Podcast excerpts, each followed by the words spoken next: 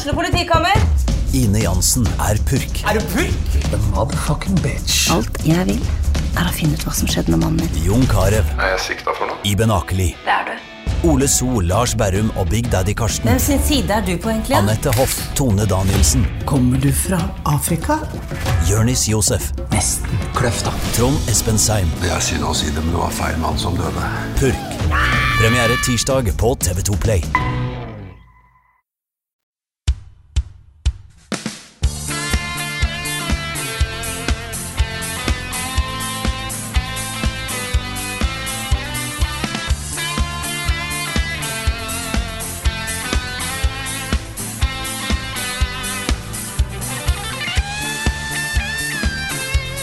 Hallo, og velkommen til en ny episode av podcasten Level Backup med meg, Karl Martin Oksnes, og også med Rune Fjell-Olsen og Niklas Halvorsen. Podcasting, eller podcasting fra engelsk podcasting, er en måte å publisere lyd- og videoopptak på internett. En podcast er en lyd- eller videofil som blir kringkastet via nettet på denne måten. Ordet podcast brukes også om selve radio- eller TV-programmet som blir delt. Den- Denne episoden av podcasten Level Backup er laget eksklusivt med bruk av AI til manusproduksjon. Hvordan går det med dere? Hei, Carl. Hallo, Nick. Nei, vi var ikke roboter, vi var fortsatt mennesker. Ja, Fortsatt mennesker, fortsatt mennesker. Ja, velkommen tilbake til podcasten, folkens. Fortsatt ikke AI-styrt podkast, altså. Åh, hva hvis jeg sa at jeg, jeg hørte ikke noe forskjell? Det var bare Carl som var der, liksom. Ja, det var bare meg. Ja. Helt vanlig. Det var litt sånn easy target, dette her. Uh, Ubisoft har jo uh, lansert et, et nytt verktøy, som jo var utgangspunktet for, for denne introen her. Vi kommer til å snakke mer om det i nyhetsspalten. Men uh, ja. Det kommer vi absolutt tilbake til. Men åssen går det med dere?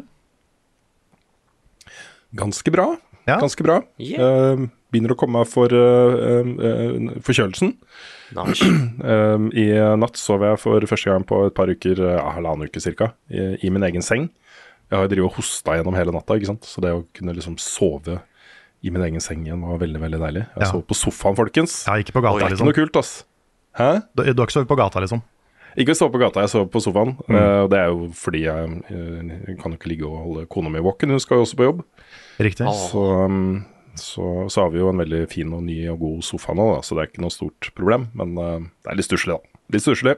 Det er litt stusslig. Mm. Best å sove i seng. Det er det også. Er det noe annet uh, nytt å formidle? Ja, vi, Nå har vi jo snakka så mye om det at folk kanskje begynner å gå litt lei, men nå er faktisk uh, kampanjen åpen. Vi um, er jo da sammen med våre um, deleiere, Good Game, på Folkeinvest. Det betyr jo at du nå, og i to uker framover, nesten da, snaue to uker, kan gå inn og bli aksjeeier i Good Game, og det er jo da indirekte aksjeeier i oss også, fordi Good Game eier 51 av aksjene i Level Up. Eh, og et av punktene på salgsdokumentene på folkeinvest.no er jo at disse pengene skal vi bruke til å kjøpe opp resten av aksjene i Level Up. Så da er vi jo eh, i aller høyeste grad involvert i dette her. Dette er jo en, en eh, hva skal man si, utrolig spennende og veldig viktig uh, greie for fremtiden til Level Up. eh, og en forlengelse av årsaken til at vi solgte aksjer uh, i utgangspunktet. Og det er jo for å sikre fremtiden til Level Up. Vi var på et punkt da hvor det var litt tungt å drive selskapet. Eh, Vi hadde lyst til å satse mer, vi hadde lyst til å hente inn flere folk. Vi hadde lyst til å ha bedre fasiliteter og studio og bedre eh, PC-er og kamerautstyr og lamper. Alle de tingene som vi trengte da for å på en måte ta det neste skrittet. Eh, Og det er jo det Good Game betyr for oss. Er jo at vi tar det neste skrittet. Nå er det mange flere mennesker som lager innhold for Level Up. Henta inn sjukt mange veldig, veldig flinke folk som lager video. Vi har et eh, eget studio med fire arbeidsstasjoner. eh, og vi har også folk som eh, kan de tingene vi ikke er så gode på. Salg og markedsføring og strategi og alle disse tingene her. Så, um, så dette er jo da en mulighet for alle egentlig til å gå inn og um, um, sørge for at ikke bare vi, men også gamer.no også Det er jo to av veldig få aktører i Norge som driver med spilljournalistikk, og som har Vær varsom-plakaten, og som tar etiske vurderinger når det er snakk om lønnsomhet og inntjening og sånne ting. ikke sant? Uh, og det syns jeg er viktig. Det er, eh, det, er en, eh, det er der min tilhørighet er. Uh, det sikrer på en måte journalistikk, spilljournalistikk, for fremtiden også. Eh, så, så vi er veldig veldig klare for dette. her. Vi um, uh, har jo også et uh, veldig klart og tydelig sånn aksjonæravtale på plass, som sikrer hva level up skal være i fremtiden, også uh, i en sånn situasjon. Så, um, så det betyr jo da at hvis, hvis Good Game kjøper opp resten av aksjene, og vi blir en, på en måte en del av Good Game, så vil vi fortsatt være level up, og vi vil fortsatt lage det innholdet vi har lyst til å lage, og som vi syns er riktig å lage. Det vil fortsatt være akkurat den samme tingen, Mm. men da kanskje bare litt proffere og med litt større nedslagsfelt. da. Mer reach, ikke sant? Reach, folkens. Ja. Reach and flexibility. Nettopp. Nei, så dette er bare Dette er win-win-win for alle parter. Vi, um, vi um, uh, gleder oss til fremtiden, og dette er jo uh, sammen med Patron. Det er på en måte de to tingene som, uh, som um, er våre øh, ben å stå på nå. Det er jo den øh, økonomiske tryggheten fra en eier som Good Game, øh, kombinert da med øh, støtte fra de som ser på innholdet vårt. Så vi se hvordan det blir i framtiden, det vet vi ikke. Men i hvert fall innholdet vårt kan ingen ta fra oss. Dette er, eh, eh, dette er en, en mulighet da, for å sørge for at Level Up også eksisterer de neste elleve årene. Så mm, vi er psyched. Det er vi. Vi har jo én ting til å meddele også. Det er at eh, ikke nå til helga, altså den helga du, du hører på denne podcasten, men neste helg. Da skjer, eh, er det tredje gang. Det er online med komplett. Stemmer, stemmer. Der skal vi delta, akkurat som vi har deltatt før. Så da går det an å joine den Discord-kanalen til komplett. Så der skal vi sitte og streame, ikke på Twitch, men på, direkte på Discord. Ja, og dette er jo et betalt oppdrag, bare så alle er klar over det. Det er det. Vi, eh, vi eh, har jo fått da liksom vårt eget, vårt, vårt eget rom inne på denne Discord-serveren. Og serveren heter Onland, så det er bare å søke på Onland på Discord, så finner du den. Uh, som heter da Levelups Indie-hjørne, hvor vi skal da spille primært indiespill. Det kan hende at det stiker seg inn et par ting som er litt i gråsonen der. Ja, det har, har hendt at det har skjedd før. Det har vel kanskje hendt, ja. Eh, men eh, det blir et ganske omfattende program. Vi har, satt, vi har begynt å sette opp liksom schedule for hva vi skal spille og sånt, og den eh, skal vi dele med folk når den er helt klar.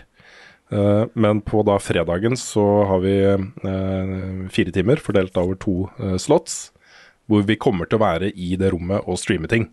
Med forskjellige folk, og det blir forskjellige spill, og det blir muligheten til å um, eh, både snakke med oss og kanskje i noen tilfeller, tilfeller også delta. Eh, Så det blir et sånn hyggelig lite hjørne da, på den serveren, hvor vi kan gjøre vår greie. Det blir kjempebra. Jeg tror folk kan forvente seg å se veldig mange av oss i Level Up eh, eh, være der. For å både eh, bare se på og være med, liksom, mens andre streamer, men også streame egne ting. Så mm, jeg tror det er i ferd med å bli et sånn veldig koselig påskerituale for oss, dette her. Det, det er det. Det blir jo da fra fredag 31. mars til 2. april. Så det er jo fredag, lørdag og søndag. Fredag, lørdag, søndag og øh, til da um, jeg, jeg, tror programmet er fra liksom tolv til midnatt, alle de tre dagene. Uh, den første dagen har vi vel bare to timeslots, men både lørdag og søndag så vil vi være på plass uh, tre ganger, da. Uh, på formiddagen, ettermiddagen og på kvelden, med tre forskjellige timeslots. Kommer til å bli gøy, altså. Tetris. Skyrim. Destiny 2. The Sims. Edderkoppkabal. Destiny 2. Animal Crossing. Pokémon Cola eller Pokémon Pepsi. Destiny 2. Guitar Hero. Kingdom Hearts Bohemian Boogaloo. Destiny 2. Level Ups spilleliste. Vi har opptil eh, flere ferske spill å snakke om denne uka her. Tenkte å gi eh, ordet først til eh, Rune og, og Nick, som har spilt Diablo 4. Ja, jeg tar Rune Gjett om jeg først. er Ja, hva, hva, hva syns du, Rune? Altså, jeg kommer jo inn i dette her som en, eh, en sånn frisk, vårkåt eh, noob Ja. i sjangeren. Vårkåt noob. og- Ja. jeg har stått og betrakta den her litt fra utsiden og, og tenkt liksom at dette her ser gøy ut.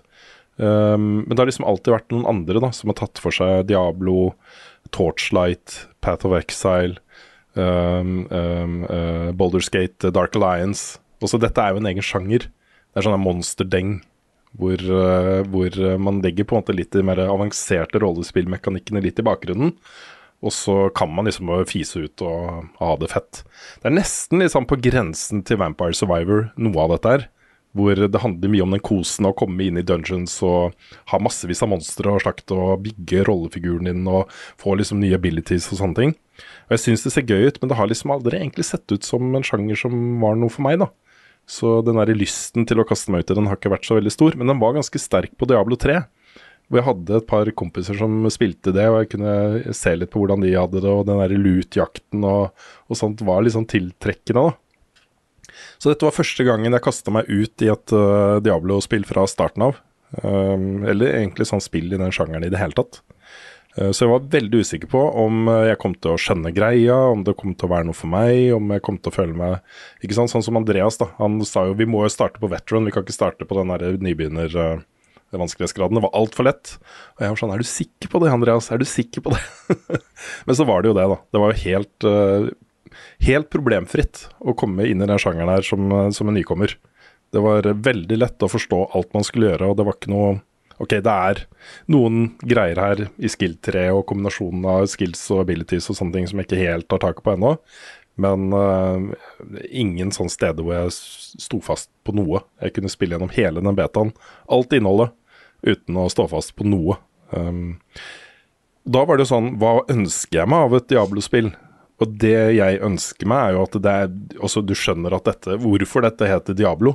Også det må dryppe blod fra veggene. Det må være liksom tentakler som griper etter deg. Det må være demoner og monstre og, og exorcist-vibes. Uh, det må være alt det der liksom som jeg forbinder med det navnet og den symbolikken og de, de tingene. Og Det var egentlig der hvor Diablo 4-betaen uh, uh, gleda meg mest. da. For der var det veldig mye helt riktig og kul uh, sånn uh, demonstemning. Mm. Um, så, så, den uh, biten likte jeg aller, aller best. Så var det jo en god chunk med innhold også. Dette var én av fire akter.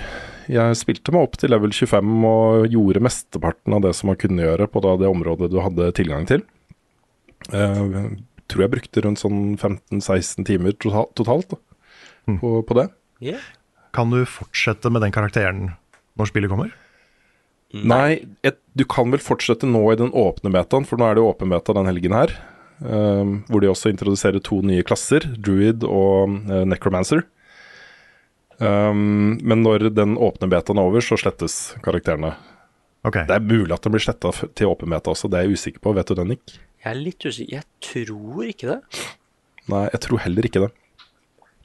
Men du får jo da også grunnen til Det er jo en god grunn til at det spilles, spilles opp til level 20. Og det, det at du får et uh, armor set hvor du har en, en uh, ulvevalp i en sånn der fatle på ryggen uh, av chestpiecen.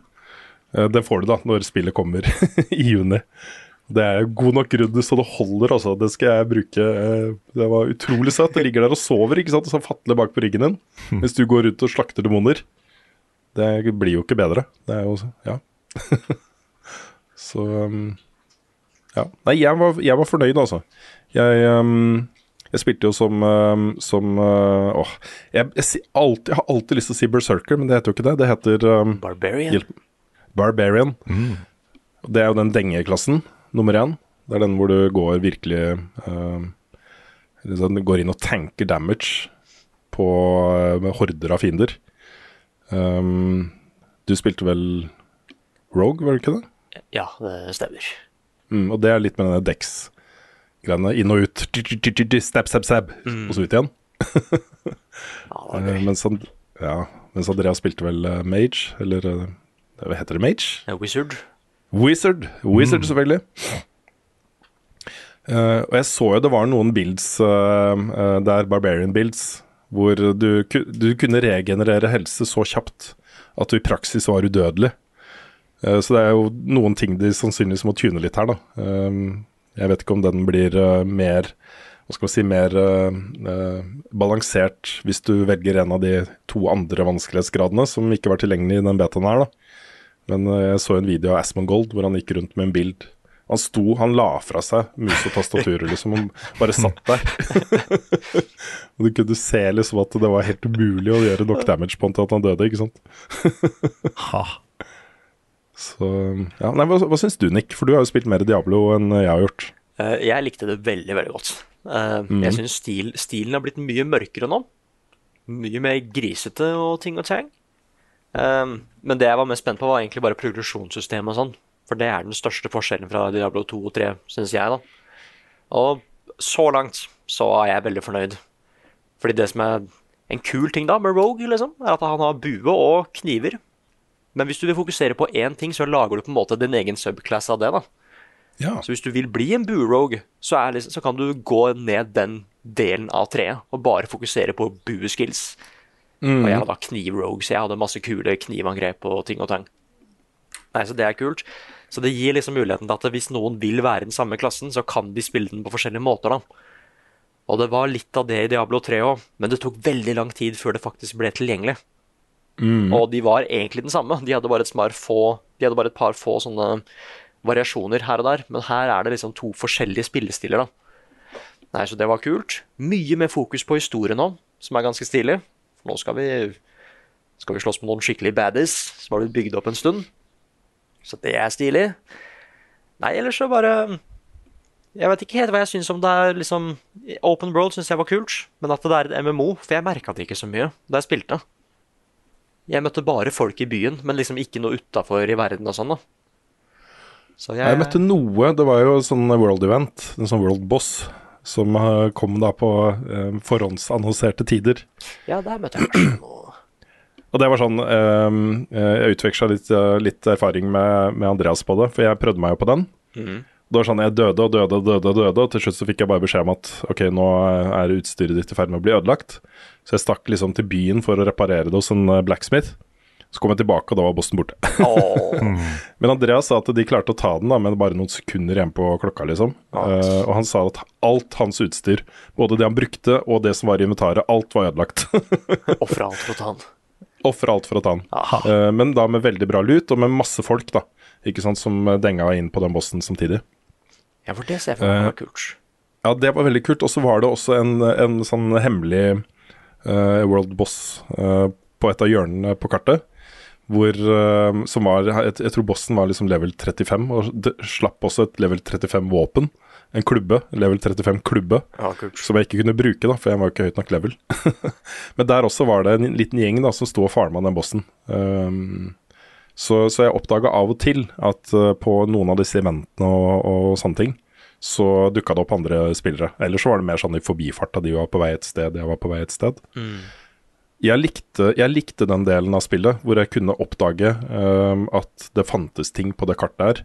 Altså hjørner og kroker og kriker og små huler hvor det var liksom spesielle ting. da. Spesielle items eller spesielle bosser eller et eller annet som du kunne eh, enten grinde ut eller, eh, eller bare stikke og gjøre og hente. Secrets. Valgfrie secrets. Så det likte jeg godt. Det jeg ikke syns var så kult, var hvor mye lut det var. Um, også inventaret ble jo smekkfullt hele tiden. Og bare det å sitte og manage uh, alt driten, liksom, som de ikke trengte synes jeg, de, de brukte litt for mye tid på det, da. Eh, og så gjorde det også at det legendary Hva sa du? Ja, Nio-problemet. Ikke sant? Og så gjorde det også at når jeg da først fikk noen skikkelig bra drops, skikkelig bra lut, så føltes det ikke like kult som det burde gjøre. Det var mer sånn Jeg, jeg vil gjerne at, at når de der helt spesielle itemsa, eh, som har dritkule eh, perks og sånne ting, når jeg først får de, så bør det føles bedre. Ja. Uh, og den var litt sånn der, Det bare drukna litt i massen av drit. Og det var litt synd, da. Nei, for det er jo, det er jo dessverre the classical Diablo experience på starten. Du får så mye loot, og du må enten salvage eller selge eller du, får, du går opp et par prosent her og der, og ditt og datten. Men hvis de gjør det riktig, da, så er det jo det at eh, du får veldig veldig mye lyd på starten. Og så vil det ta ganske lang tid før du får noen skikkelige oppgraderinger. Du, Ja, okay, ja. ja, og når du da får en legendary De legendaryene pleier å være litt sånn game changere hvis du har Mm. riktig build i klassen din. da Og det er det jeg håper det her blir, da med at eh, Problemet med Diablo 3 første gang var at det var for få dropp i Legendaries, så jeg kunne spille gjennom en hel campaign uten å få en eneste en. Oi. Da var de ganske kule da, når de først dukka opp. Men ulempen da var at de da skrudde det for hardt den andre veien, med at du droppa for mye. Så jeg håper at balansen er det da, at eh, det, er, det skal være en litt big deal når disse her dropper. Ja, for det jeg huska Sven snakka om når det gjaldt Diablo 3, det var jo den derre følelsen av å komme inn i, um, i endgame, hvor, du, hvor målet er jo å minmakse ut liksom den perfekte monsterslaktemaskinen. Med en kombinasjon av liksom armor og set perks og sånne ting som gjorde at, at uh, god damn. Jeg spiller på høyeste vanskelighetsgrad nå, men uh, er udødelig, liksom. Dette er bare Så, um, så jeg, jeg vil jo gjerne ha den følelsen når jeg spiller, uh, egentlig. Og så satte jeg også veldig veldig pris på transmog-systemet der. Hvor eh, jeg oppdaga det litt ved en tilfeldighet. Jeg gikk inn i en bygning hvor jeg så det var et ikon, og så Å ja, jeg kan endre på utseendet mitt. Jeg kan legge liksom utseendet til en, en armor piece over på en annen. Um, og det som var digg med det, var at hver gang jeg da plasserte ny, en ny armor piece, en ny chess-piece f.eks., så huska spillet hvilken transmog jeg hadde valgt. Så den ga den automatisk det utseendet jeg hadde valgt. da. Eh, og det, det er en veldig, veldig veldig kul ting, altså.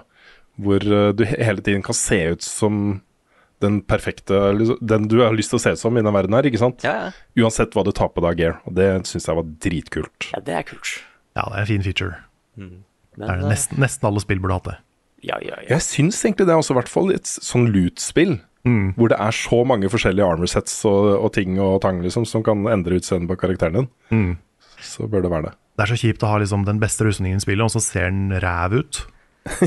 Ah, det er World of Warcraft. eh, tidlig World of Warcraft. Det er bare herregud, det er en epic chestplate, og så er det en pysj, liksom. ja. Jeg tenker at jeg spilte i så mange år i Destiny uten at det var transmog i det hele tatt. Ja.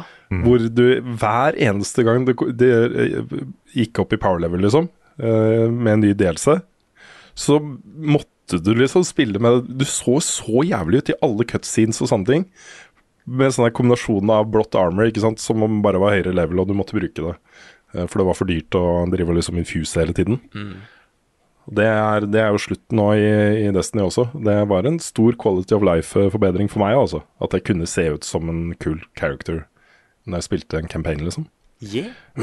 Så, så det var ganske viktig. Men jeg er også enig med deg at eh, jeg likte historien her. Det er sånn, Jeg vet jo ikke så mye hvem Lilith er, liksom. Jeg skjønner at det er en veldig big deal. eh, Men hun blir presentert på en sånn måte hvor jeg virkelig forstår hvor big deal det er, da. Ja, ja. Og, um, og når på en måte de tingene begynner å skje, og du ser liksom at, at villagers har blitt liksom um, påvirka og uh, besatt av demoner og, og sånne ting, så begynner det å spre seg en sånn ganske sånn creepy uh, stemning over hele greia. Uh, jeg tror kanskje de sekvensene jeg likte best, var hvor du kommer ned i disse kjellerne for å drive med, med demonutdriving, liksom. Exorcism. Yeah. Og de liksom svever over senga og snakker med stemmen til demonen, og så kommer demonen, ikke sant, skal slåss med demonen og, og sånt. Det er, det er sånn det skal være. Det er sånn det skal være. Ja, det er skik sånn. skikkelig kult. Nei, fordi Carl, gjennom serien så har vi hørt om Mother. Mother. Og nå skal vi slåss mot Mother. Oh. Ja, Så ikke slåss mot Mother før? Nei, Mother har bare liksom vært i bakgrunnen. Eh, først en liten, liten mention her og der, men så bare Oi, det begynner kanskje å være noe på ferde. Nå begynner vi å høre litt mer om Mother. Og nå skal vi faktisk slåss mot Mother. Ha. Er ikke det akkurat det samme som skjer i Marvel Midnight Suns? Der tror jeg også det er en Mother som er Lilith.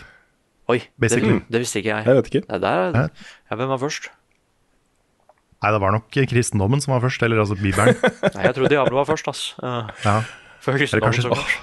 eller si, det er kanskje, kanskje det var jødedommen som begynte med Lilith. Det, det er jeg ikke sikker på. Nei, men Det er derfor den traileren er så kul, fordi bare, ikke bare får vi se åssen han ser ut, liksom. Men det føles ut som en ganske big deal. Dette er long time coming nå. Nei, Så jeg er kjempespent på historien. Og Altså den intro, introsekvensen her, uh, hvor eh, da Lilith trer fram gjennom en sånn derre rituale. Og da er det jo tre sånne dudes som blir plassert opp ned på sånne søyler. Med masse, det er masse symboler på gulvet og sånne ting. Og så trekkes blodet ut av dem som en sånn derre um, nett som legger seg over uh, lufta, liksom. Og så blir det kappa til Lilith. Så hun sitter der liksom med kappa blodet til de som har drevet med det greia her. Det er så, det er så fett, altså. det, det ser så stilig ut, og jeg blir liksom ordentlig gira av det. Jeg syns det er dritkult. Ja, så er det sånn Det er, det er litt skummelt, men det er, det er noe pent med det òg. Mm. Jeg klarer ikke helt å forklare det, men liksom blodet hennes er sånne rose pedals, ikke sant? Nei, det er eh, hun, er hun er kul. Mm.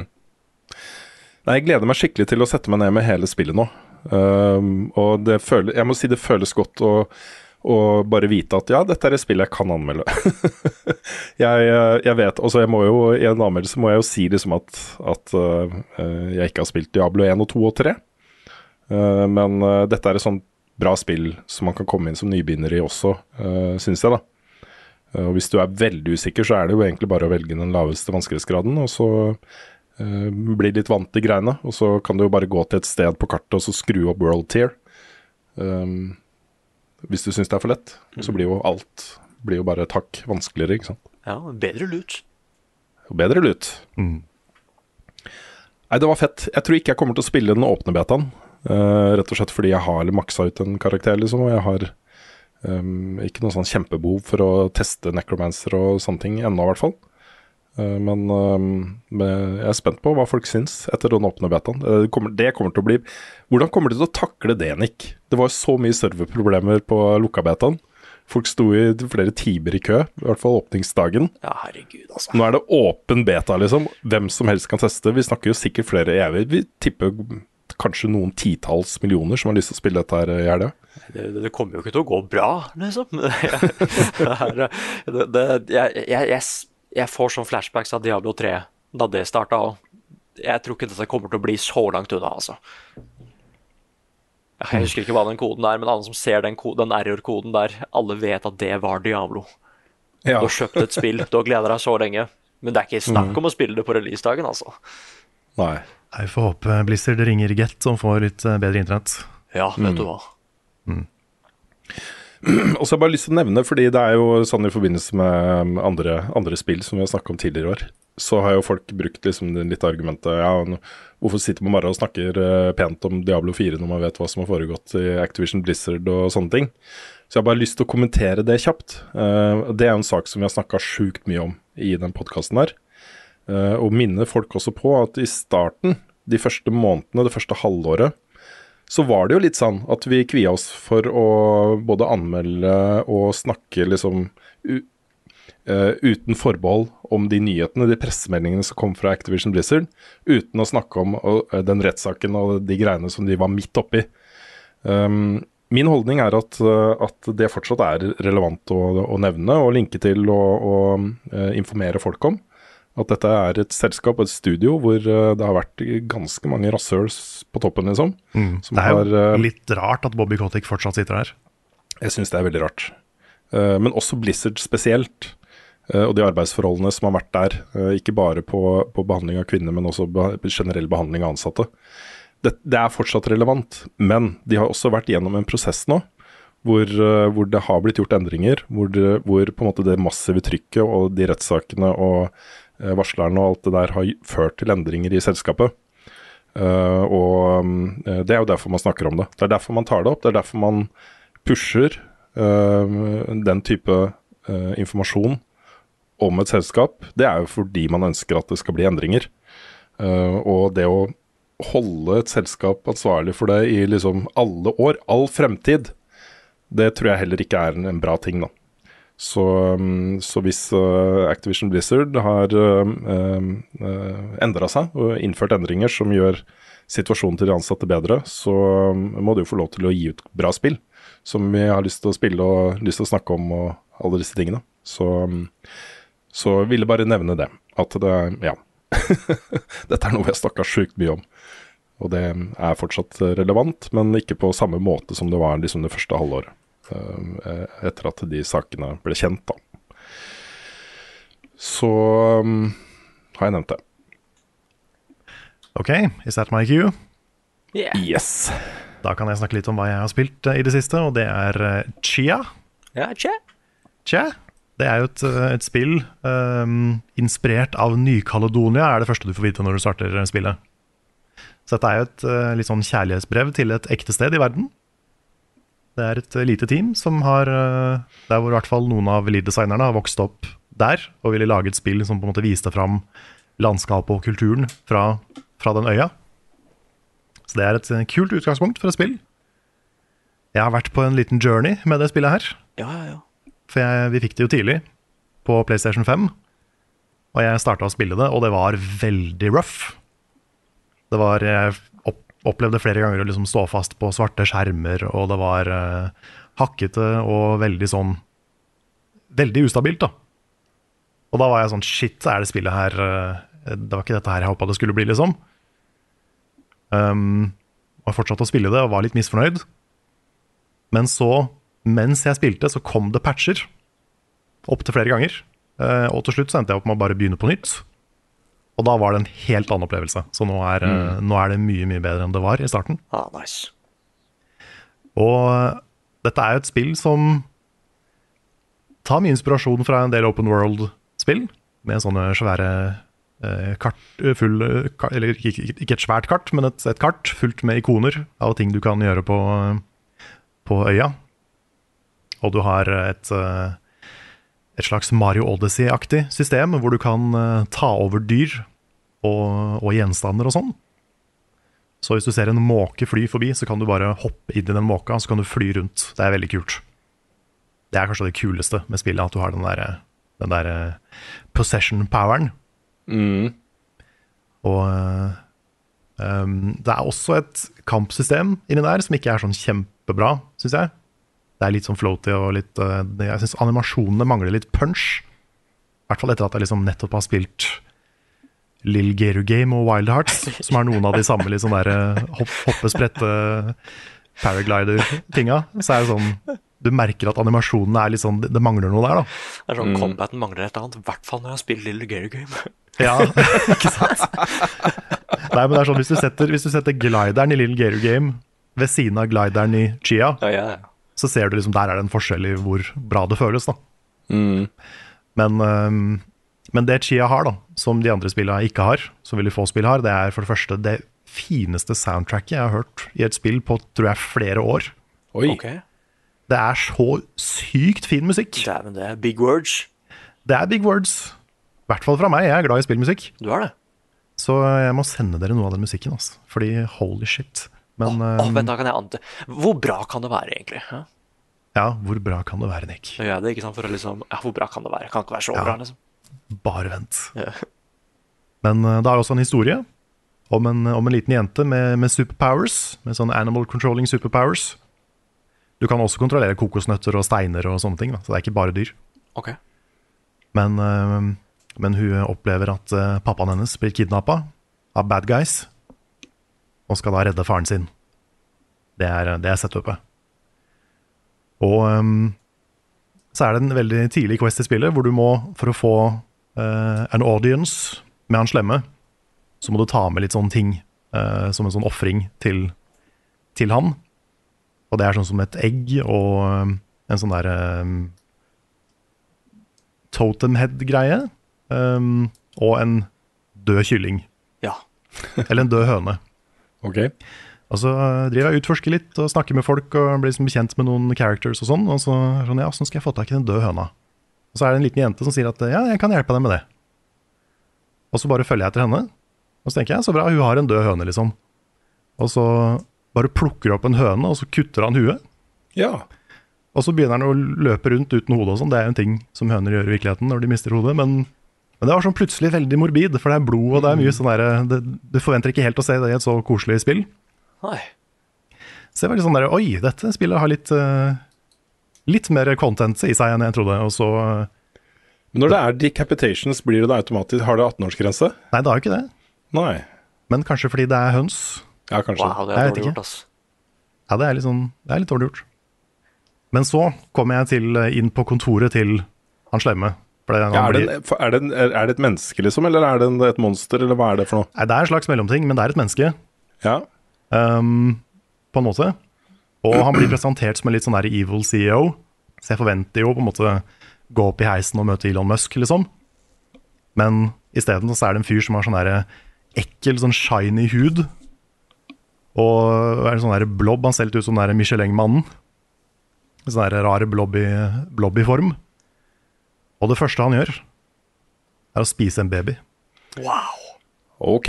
Han spiser en baby, ass. Og det er ganske disturbing. Så jeg, jeg sier i anmeldelsen min, som er ute nå på kanalen, at uh, liksom det, før man spiller det spillet her med de minste barna, så bare vær bevisst på at det er litt, det er litt hashtag content i dette spillet. Ja, det er en hardcore skurk, ass. Ja, det er hardcore, ass. The dingo ate my baby. Ja. Ate an entire baby. Ja, her blir det kanskje litt sånn The gringo ate my baby. Ja. Jeg vet ikke om han er en gringo, da. Nei. Men er det ikke det, litt det som er eh, implisert her, da? Også når man snakker om nå, Jeg kjenner ikke, jeg kjenner ikke uh, historien til uh, den øya her og kulturen og sånne ting. Nei. Men jeg vil jo anta at, uh, at det har noe et eller annet med å gjøre hvordan på en måte påvirkning utenfra Ja, er, forstyrrer på en måte naturen og, og historien og det er noe der med at den ene øya er veldig sånn industriell. Veldig sånn, eh, der, der er det en svær by, og det er mye arbeid, og det er forurensning og i det hele tatt. Um, og den andre øya er veldig sånn naturrik og pen. Så det er noe der med liksom eh, teknologi og industri møter natur. Men uh, han slemme her er mer en sånn derre jeg, jeg, jeg prøvde å søke etter om han var basert på en sånn derre uh, folkeutro-monsterting. Uh, Det tror jeg ikke han var. Men han er mer en sånn der straight up eh, et monster, liksom. I en menneskeform, da. Men ehm, Men ja. Så jeg var, jeg, jeg var ikke så veldig glad i spillet i begynnelsen, når det var så teknisk uh, unpolished. Det er fortsatt et par ting som er litt sånn halvveis, syns jeg. Satt opp mot andre spill i plattformsjangeren. Men jeg syns universet og historien og musikken og alt det der trekker veldig opp. Så jeg ble, til slutt så ble jeg veldig glad i det. Ja. Ja. Så det er eh, et spill som, selv om ikke det er liksom helt oppe i toppen av, av scores, jeg gir det sju av ti i anmeldelsen, Aha. så er det liksom, det er et spill som man burde spille. I hvert fall hvis man ser traileren og ser og tenker at dette er noe for meg, så er det helt sikkert det. Det er veldig verdt å ta en titt på. Så et, et, et, veldig fint og veldig sjarmerende spill, selv om han slemme er veldig skummel. Ah, men det høres ut som en kul skurk, egentlig. For det er, det er en Ja, kul ganske. hook. Bare oi, dæven, han, han her må jo virkelig stoppes, liksom. Det, Ja, han må, må virkelig stoppes etter det, altså. oi, hva, hva hvis vi halvveis inn i spillet styrer han? Og hvorfor han endte opp med å spise den babyen, hæ? Mm. Plutselig så får han sånn der eh, sympatisk character arc. Ja, Sånn der, ja, det var en baby som mobba han da han var liten.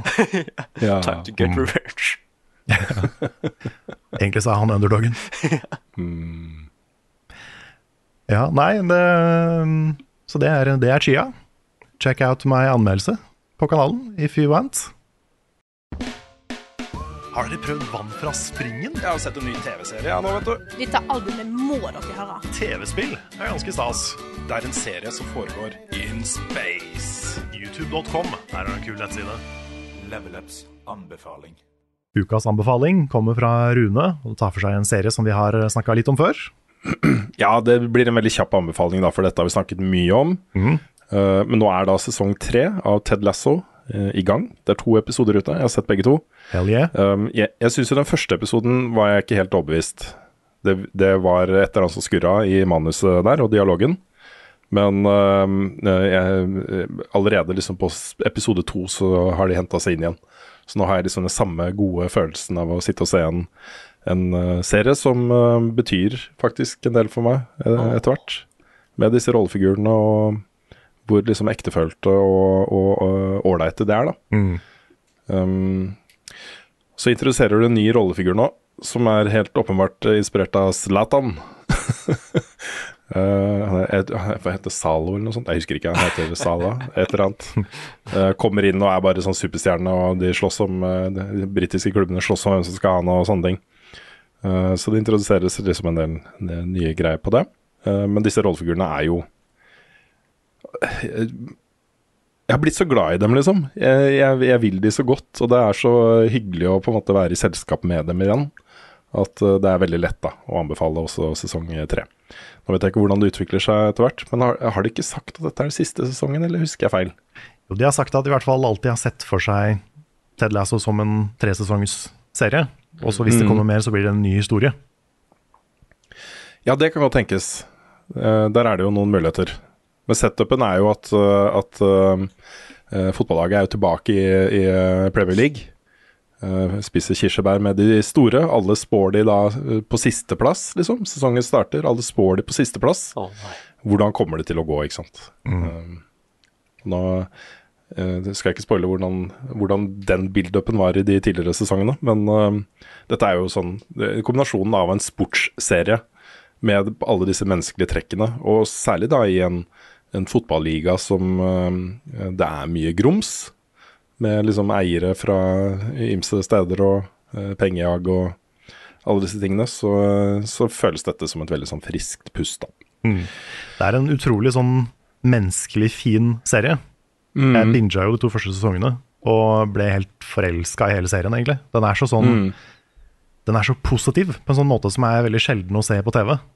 Mm. Det er veldig sånn Altså definisjonen av holdsom da.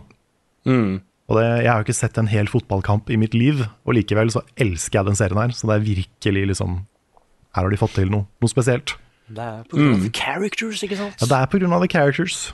Jeg må også bare nevne da at, eh, at en av grunnene til at det skurra litt i starten, var jo at en av de rollefigurene jeg var mest glad i fra de to andre sesongene, Trent Crim Journalisten Trent Crim, han var jo ikke med. Han, eh, han, det, var, det var en annen, da. På pressekonferansen så var det en annen fra er det Independent han skrev for. The Independent, ja. Ja.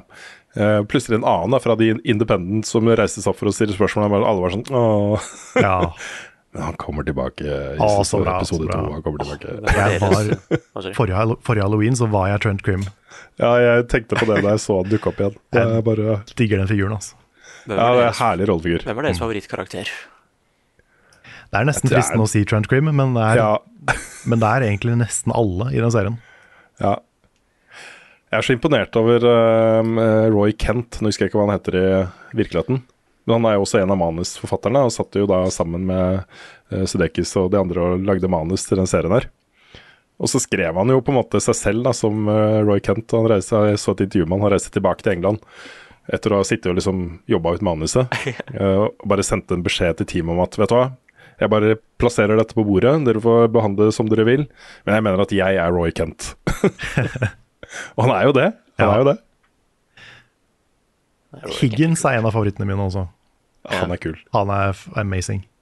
amazing. Så er jeg veldig glad i han Jeg husker, jeg husker aldri hva han heter, han franske spilleren. Ja. For han er alltid morsom når han skal begynne å prate om et eller annet. Mm. Ja, Det er en episode hvor de skal brenne ting for å få bort en sånn forbannelse, og det er kjempegøy. Ja, ja. altså én det- ting og bare OK, greit, jeg skal følge med på deg hele tida nå, for nå er du morsom, også. Danny Rojas er morsom. Nei, det er, det er jo en sånn karakterdrevet uh, serie, dette her.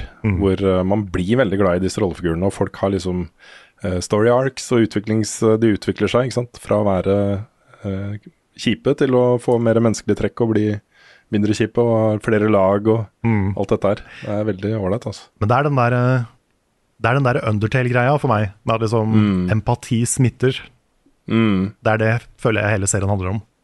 Ja. At uh, det er nesten mer en sånn psykologiserie enn det er en fotballserie. Mm. Men den er, den er utrolig fin. Altså.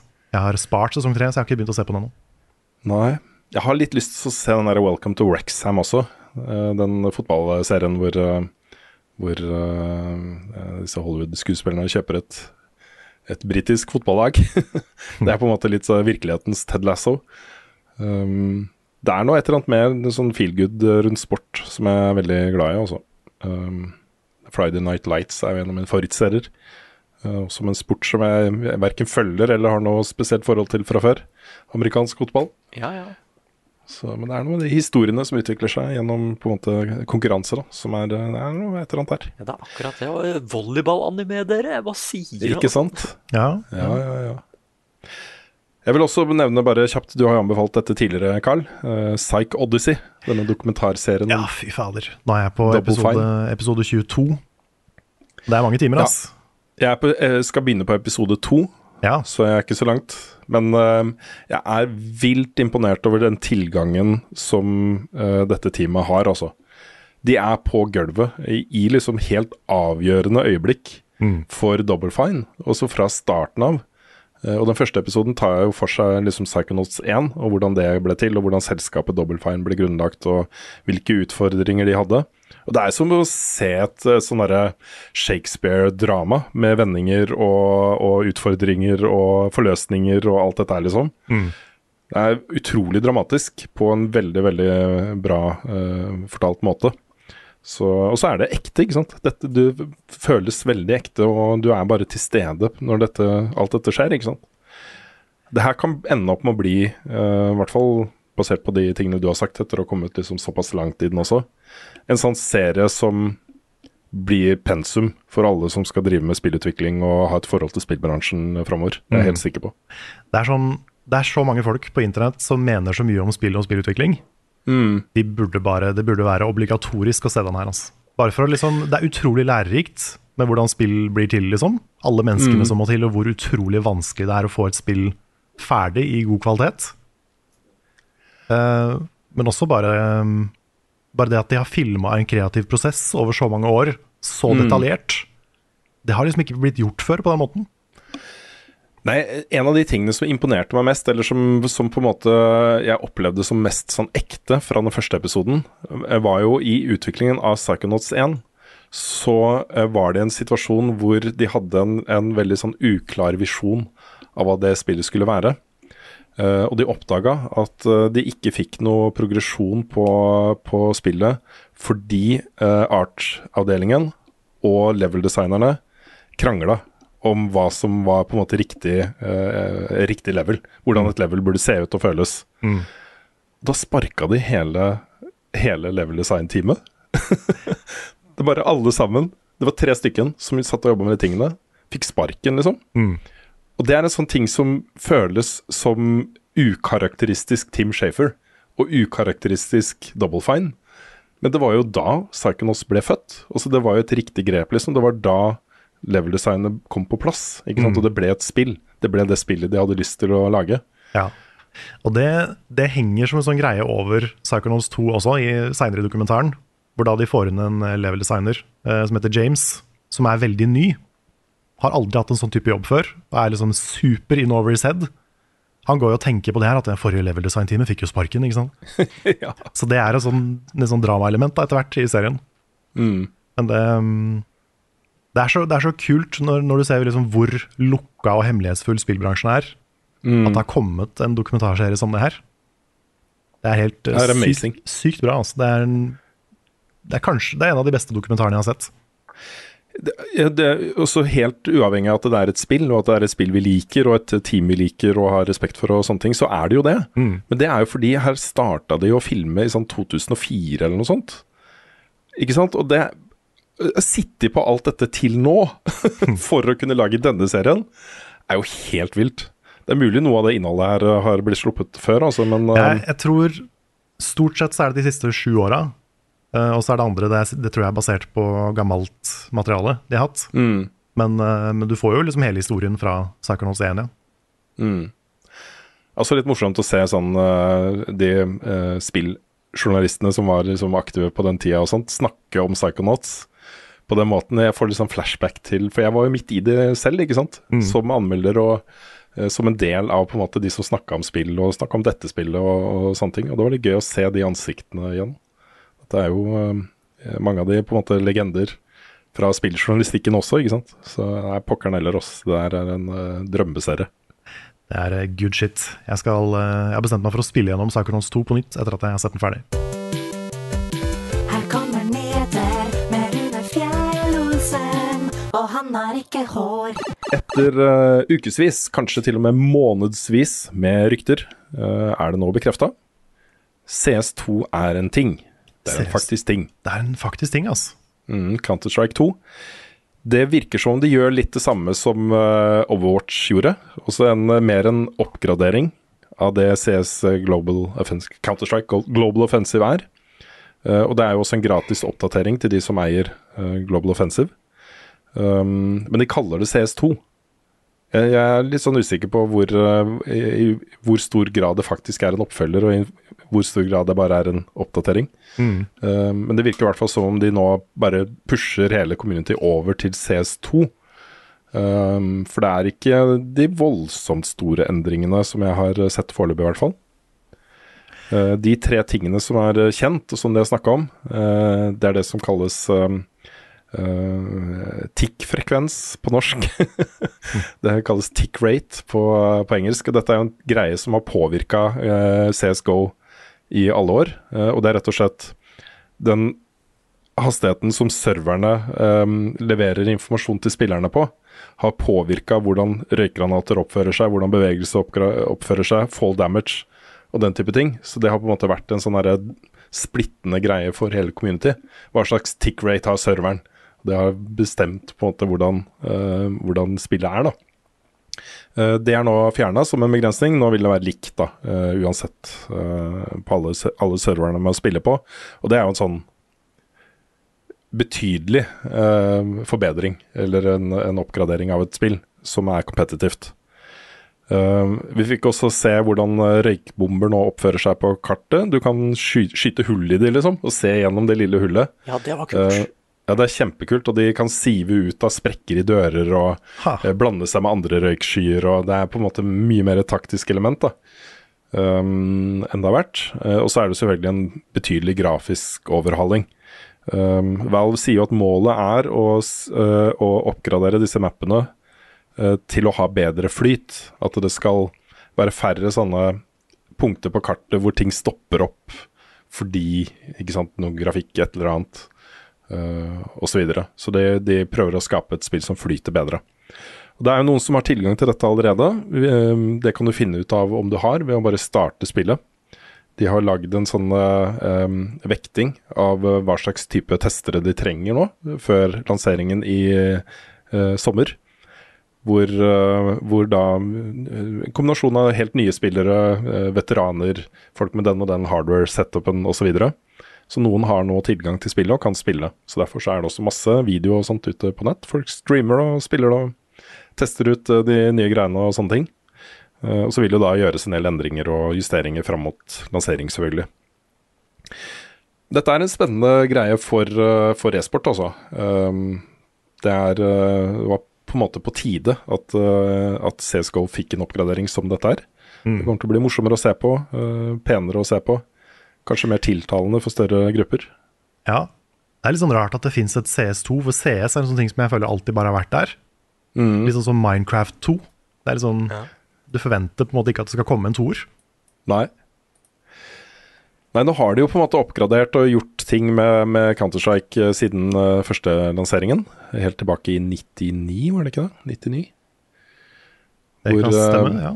Du først hadde litt sånn uh, skille mellom de som spilte den eller den beta-versjonen. Uh, og så kom jo eh, CS Source, og så kom CS Go.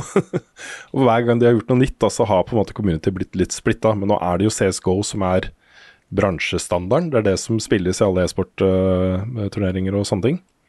Uh, og jeg, jeg, tror Valve har tenkt seg godt og hardt og nøye og lenge om med om de skal gjøre dette som en oppgradering eller en helt ny utgivelse som splitter community en gang til. Så det føles som et riktig grep da, å bare gjøre det til en gratis oppdatering av CSGO. Uh, eh, men hvor endringene er såpass betydelige at, uh, at det vil påvirke spillet uh, allikevel, da. Jeg har litt mer sansen for dette enn å bare gi et Overwatch 2, hvor de gjorde mye av det samme. De på en måte har oppgradert mappene, gjort visuelle oppgraderinger og sånne ting. men det er jo mange som rapporterer at det føles bare som en, en patch, liksom, mm. til, til, Overwatch. Mm. Så, um, så, dette føles kanskje litt uh, ryddigere um, måte å gjøre det på.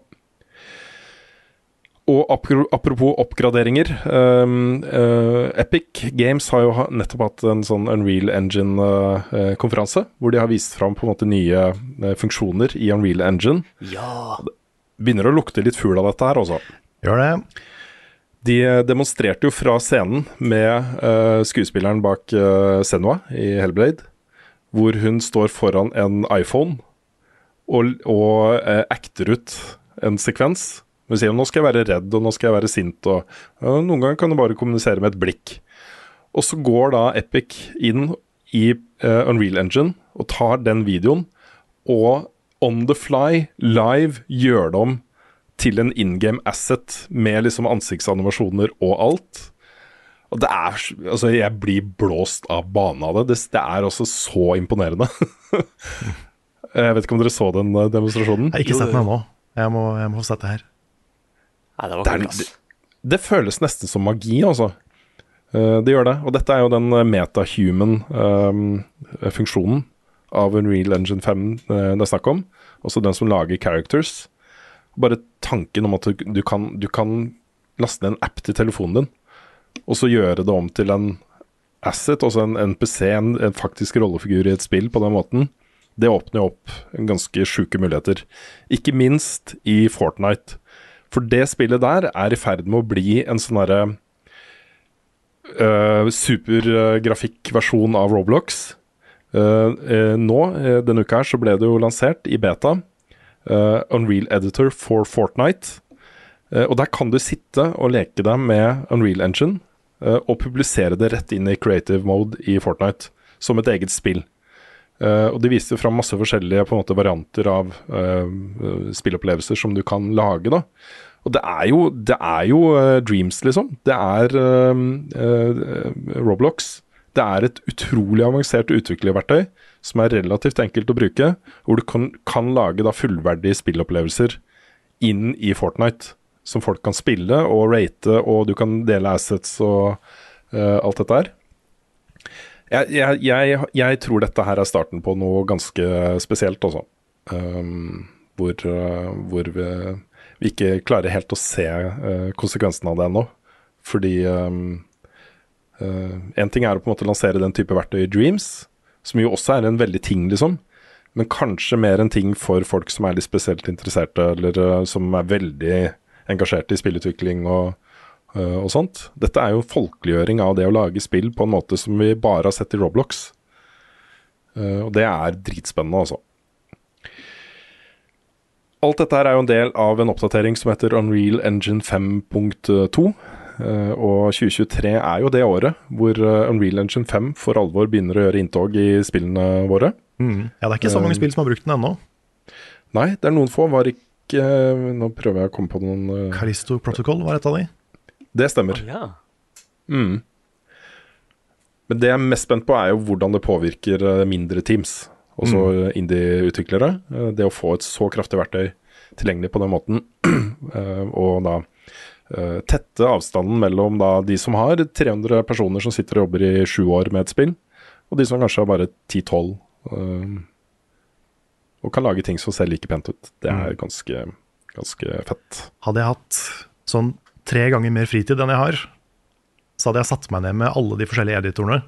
Liksom Unreal og Unity og Godot er det noe som heter. Uh, Gamemaker, alle de greiene her. Bare for å se liksom hva som er mulig nå. For det er så sykt mange spennende, brukervennlige måter å lage spill på nå. Mm. Det er helt vilt kult. Det finnes til og med Gameboy Maker liksom, for å lage Gameboy-spill. Ja. Og det er sikkert ikke Altså det er sikkert vanskelig, det er, spillutvikling er alltid vanskelig, men, men det virker som det er litt overkommelig da Mm. å lage noe lite og beskjedent, hvis man faktisk har tid og inspirasjon til det. Mm. Så det er kjempekult. Ja, det er virkelig det, altså. Um, vi vet jo også uh, Dette har de ikke snakka om på lenge, så det er, jeg er så sjukt spent på hva det blir da til slutt. Men Epic og Sony og Lego, er det vel, tror jeg, har gått sammen om å lage et nytt selskap med liksom investeringer i milliardklassen for å lage det neste liksom, store MMO-spillet for barn. Um, der lurer jeg på Det lurer jeg på hva blir, altså. Men vi begynner jo å se på en måte noen skritt i den retningen med Fortnite og med Unreal uh, Engine og, og de tingene der, som, uh, som er fryktelig spennende også, for hele spillmediets uh, framtid. Så um, her skal jeg følge med. Det blir gøy. Og så hinta vi om i starten at vi skulle snakke litt om en, eh, en, eh, et nytt utviklerverktøy hos Ubisoft, Ubisoft, som de presenterte nå på eh, Game Developers Conference, eh, som heter Ghostwriter. Og her vil jeg først nevne at, at knee-jerk, altså den der umiddelbare reaksjonen på den nyheten, var liksom åh, Selvfølgelig, og Ubisoft og det, ikke sant? Nå skal de sparke alle ansatte og bare bruke AI til å lage, og herregud, hvorfor gjør de det? Mm. Det var den umiddelbare reaksjonen til mange, ikke sant? Eh, på presentasjonen så, så syns jeg på en måte det blir litt mer nyansert, da. Fordi det det er snakk om, er eh, dialog til det som kan defineres som bakgrunnsstøy. Altså hvis du går forbi en vendor som ikke du skal snakke med, som bare er i denne verden, eh, så er det snakk om dialog til den type rollefigurer, da. Og det blir beskrevet som en, en uh, terning med 30 000 sider. hvor, hvor, på en måte målet er bare å gi verden mer liv. At det skjer mer ting, at folk snakker på en naturlig måte rundt deg, liksom, i bakgrunnen, enn at det er dialog med de personene som er viktige for din historieopplevelse. Da, og da syns jeg ikke det blir så ille. Nei, det, det som skremmer meg med det, er at jeg er redd for at det er starten på noe.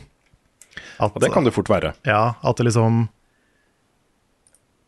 Vi lever i en såpass kapitalistisk verden at jeg er redd for at en suit skal se den teknologien her og tenke at ja, men da trenger vi ikke alle disse, disse writerne. Da kan vi mm. få en maskin til å gjøre jobben, og så er det sikkert bra nok. Mm. Og så ender man opp med å liksom fjerne menneskene og det, det, kreative eierskapet i det. Ja. Og det, det syns jeg er skummelt, med alt av det AI-greiene her. Mm. Nei, Ubisoft sier jo da på GDC at, uh, at uh, verktøy er laget på sånn måte som gjør at uh, det må ha menneskelig oversight. Det må sitte en person her som plasserer ting og godkjenner ting og plasserer, også gjør ting med verktøyet. Um, at ikke det er helautomatisk. Men, men, det er jo et poeng. Jeg har lyst til å her, ta en litt lengre prat om det. Fordi det har kommet et, et spennende spørsmål på Discord fra Spyro Spy som uh, spør da I det siste har AI-teknologi kommet veldig langt, med ting som chat, GPT og stable diffusion. Jeg er veldig fascinert av denne utviklingen og har tenkt en del over hvordan dette kunne bli brukt i spill. Kunne dere sett for dere en framtid hvor NPC-dialog er autogenerert basert på hva spilleren gjør? F.eks. at inneieren kjefter på deg for å klatre på bordene i et Elder Scrolls-spill.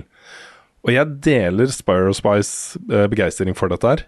Fordi er det ett sted uh, eh, AI virkelig kan uh, ha betydning for spill med det, så er det jo i uh, det å gi datastyrte spillere i store verdener mer liv. og vi vet jo at det er mulig å ha dialog med AI. Du kan sitte og ha samtale med dem, hvor de responderer på det du sier. Og tenk deg det, da. Å gå bort til en AI-styrt rollefigur i en åpen verden og ha samtale med dem hvor det, det, oppleves som en faktisk samtale. og De responderer naturlig på de tingene du sier, og kommenterer de tingene du gjør. Um, bare med AI. Jeg, jeg, jeg, tror det kommer til å bli en, en, en, om ikke en revolusjon, så ganske nær en revolusjon da, for åpen verden. Hvor de første som begynner å innføre dette på en vellykka måte, kommer til å legge alle andre i, i bakspeilet. Fordi det kommer til å oppleves så mye mer uh, Også innlevelsen blir så mye større. Det føles som mer mye mer naturlig. Du klarer å leve deg inn i det på en helt annen måte hvis uh, de du møter, oppleves mer som ekte personer, hvis du skjønner hva jeg mener. Um, ja, jeg, jeg, skjønner at mange er gira på det og har lyst til å se det. Jeg har ikke lyst til å se det, fordi det viktigste for meg med spill og kulturprodukter, da, det er å bli fortalt en historie fra et menneske med et liv. Det er det ja, men, som betyr noe for meg, og da vil jeg liksom ikke at en maskin skal sitte og pumpe ut dialog basert på meg. Det, det er ikke det som betyr noe for meg. Nei. Jeg, jeg mener jo at, at, dette fint vil kunne la seg kombinere med at det blir fortalt en historie. Og ja, hvor rollefigurer er skrevet og, og forhåndsbestemt av noen som har en mening med det de gjør. At ikke det bare liksom blir en sånn smørje av ting som bare skjer basert på det du gjør. da. Mm. Uh, det, det, det, det, jeg mener, er jo um, Og så ta et spill som No Man's Sky, f.eks. Hvor du har jo 18 uh, gazillioner uh, autogenererte planeter. Hvor det er outposts, og det er NPC-er som sitter og selger deg ting, og som gjør ting i disse verdenene. Um, hvis man hvis man på en måte kan få en mer troverdig og naturlig og eh, virkelighetsnær interaksjon med den type rollefigurer i et stort, åpent univers, så tror jeg det er en, en kjempeting. Det er, det, er det jeg mener. Jeg mener ikke de der også hun, dronningen i det slottet som du skal opp og snakke med, som har en viktig quest der, liksom. Det er ikke hun jeg vil skal være AI-styrt. Nei. Nei Det er de, det er de knektene og, og vaktene og, og, og hoffnarren som står der, liksom, som, eh, som jeg har lyst til å se det på, da. Ja, jeg, jeg ser den. Og det, i et spill som No Man's Sky så har det jo mer for seg, kanskje. For der er så mye ikke autogenerert, men generert. Litt sånn uh, ut ifra tilfeldige byggesteiner og sånn. Mm. Men det er en sånn derre jeg, er jeg er også litt redd for det, fordi jeg tenker at alt det som Altså, hvis de 30 000 replikkene skal være AI-genererte, trenger man de? Er det, kan man ikke heller bare ha ti replikker som er skrevet av et menneske som betyr noe, på en måte? Vi har jo sittet i anmeldelser Karl, og klaga over eh, repeterende dialog i Ja, ja. eh, combat-systemer og sånne ting, hvor de, folk sier det samme om igjen og om igjen, og du blir drittlei. mm, Men det er jo et uh, designproblem. Jo, ja. Så jeg, jeg, det liksom, jeg vet ikke om Jeg vet ikke om generert dialog er svaret på de problemene. Altså. For, I hvert fall ikke for meg. Nei. Nei, jeg vet heller ikke, altså. Jeg, jeg mener det kan være en øh, kan, eh, At det kan ha noe for seg i kombinasjon med andre ting. Um, det, det spørs kanskje litt hvor, hvor, hvor man ser spillmediet bevege seg også. Uh, og jeg tror at noen av disse spillene kommer til å bevege seg i retning virtuelle verdener. Hvis du kombinerer det med liksom eh, VR og AI og alle disse tingene, så vil jo målet være å plassere det i en verden som føles ekte. Eh, og jo mer man kan gjøre for å få den til å føles ekte, jo større blir innlevelsen. Eh, og jeg tror det kommer til å eksistere spill og spillopplevelser og virtuelle verdener som er mer tilstedeværelse enn en faktisk, et faktisk narrativ. Eh, Det vil kanskje være narrative opplevelser i den verden. Quester og skattejakt, og der er det en boss og, og sånne ting også. Men hvor primærmålet er å bare være en innbygger eh, i en virtuell verden. Og Der har du sånne spill som Second Life, f.eks., hvor spillerne skaper seg sin egen verden. Eh, de blir liksom vendors. De, blir, de eh, får liksom sin egen plot of land. Og Der bygger de sitt hus, og så har de en profesjon i den verden hvor andre spillere kommer til deg og gjør ting. Eh, og du utfører oppgaver for det, oppdrag og den type ting. Um, og det er en egen ting, liksom. Uh, det er en egen ting hvor AI og, og VR og sånne ting kan ha en faktisk reell eh, effekt på opplevelsen. eh, som vi ikke har sett verken konsekvensen av, eller vi har bare sett starten på det. Det er veldig teoretisk foreløpig, ikke sant? Mm. Eh, men jeg elsker den følelsen av å komme til en virtuell verden, et digitalt univers, hvor jeg klarer å leve meg inn i det. Og det, det å på en måte lande på en planet, liksom, og hva fins her, liksom. Og så den følelsen, den utforskergleden, bare det å være til stede i et univers, er viktig for meg. Ja, da. Um, ja, da, altså, det, har helt klart et bruksområde, det her.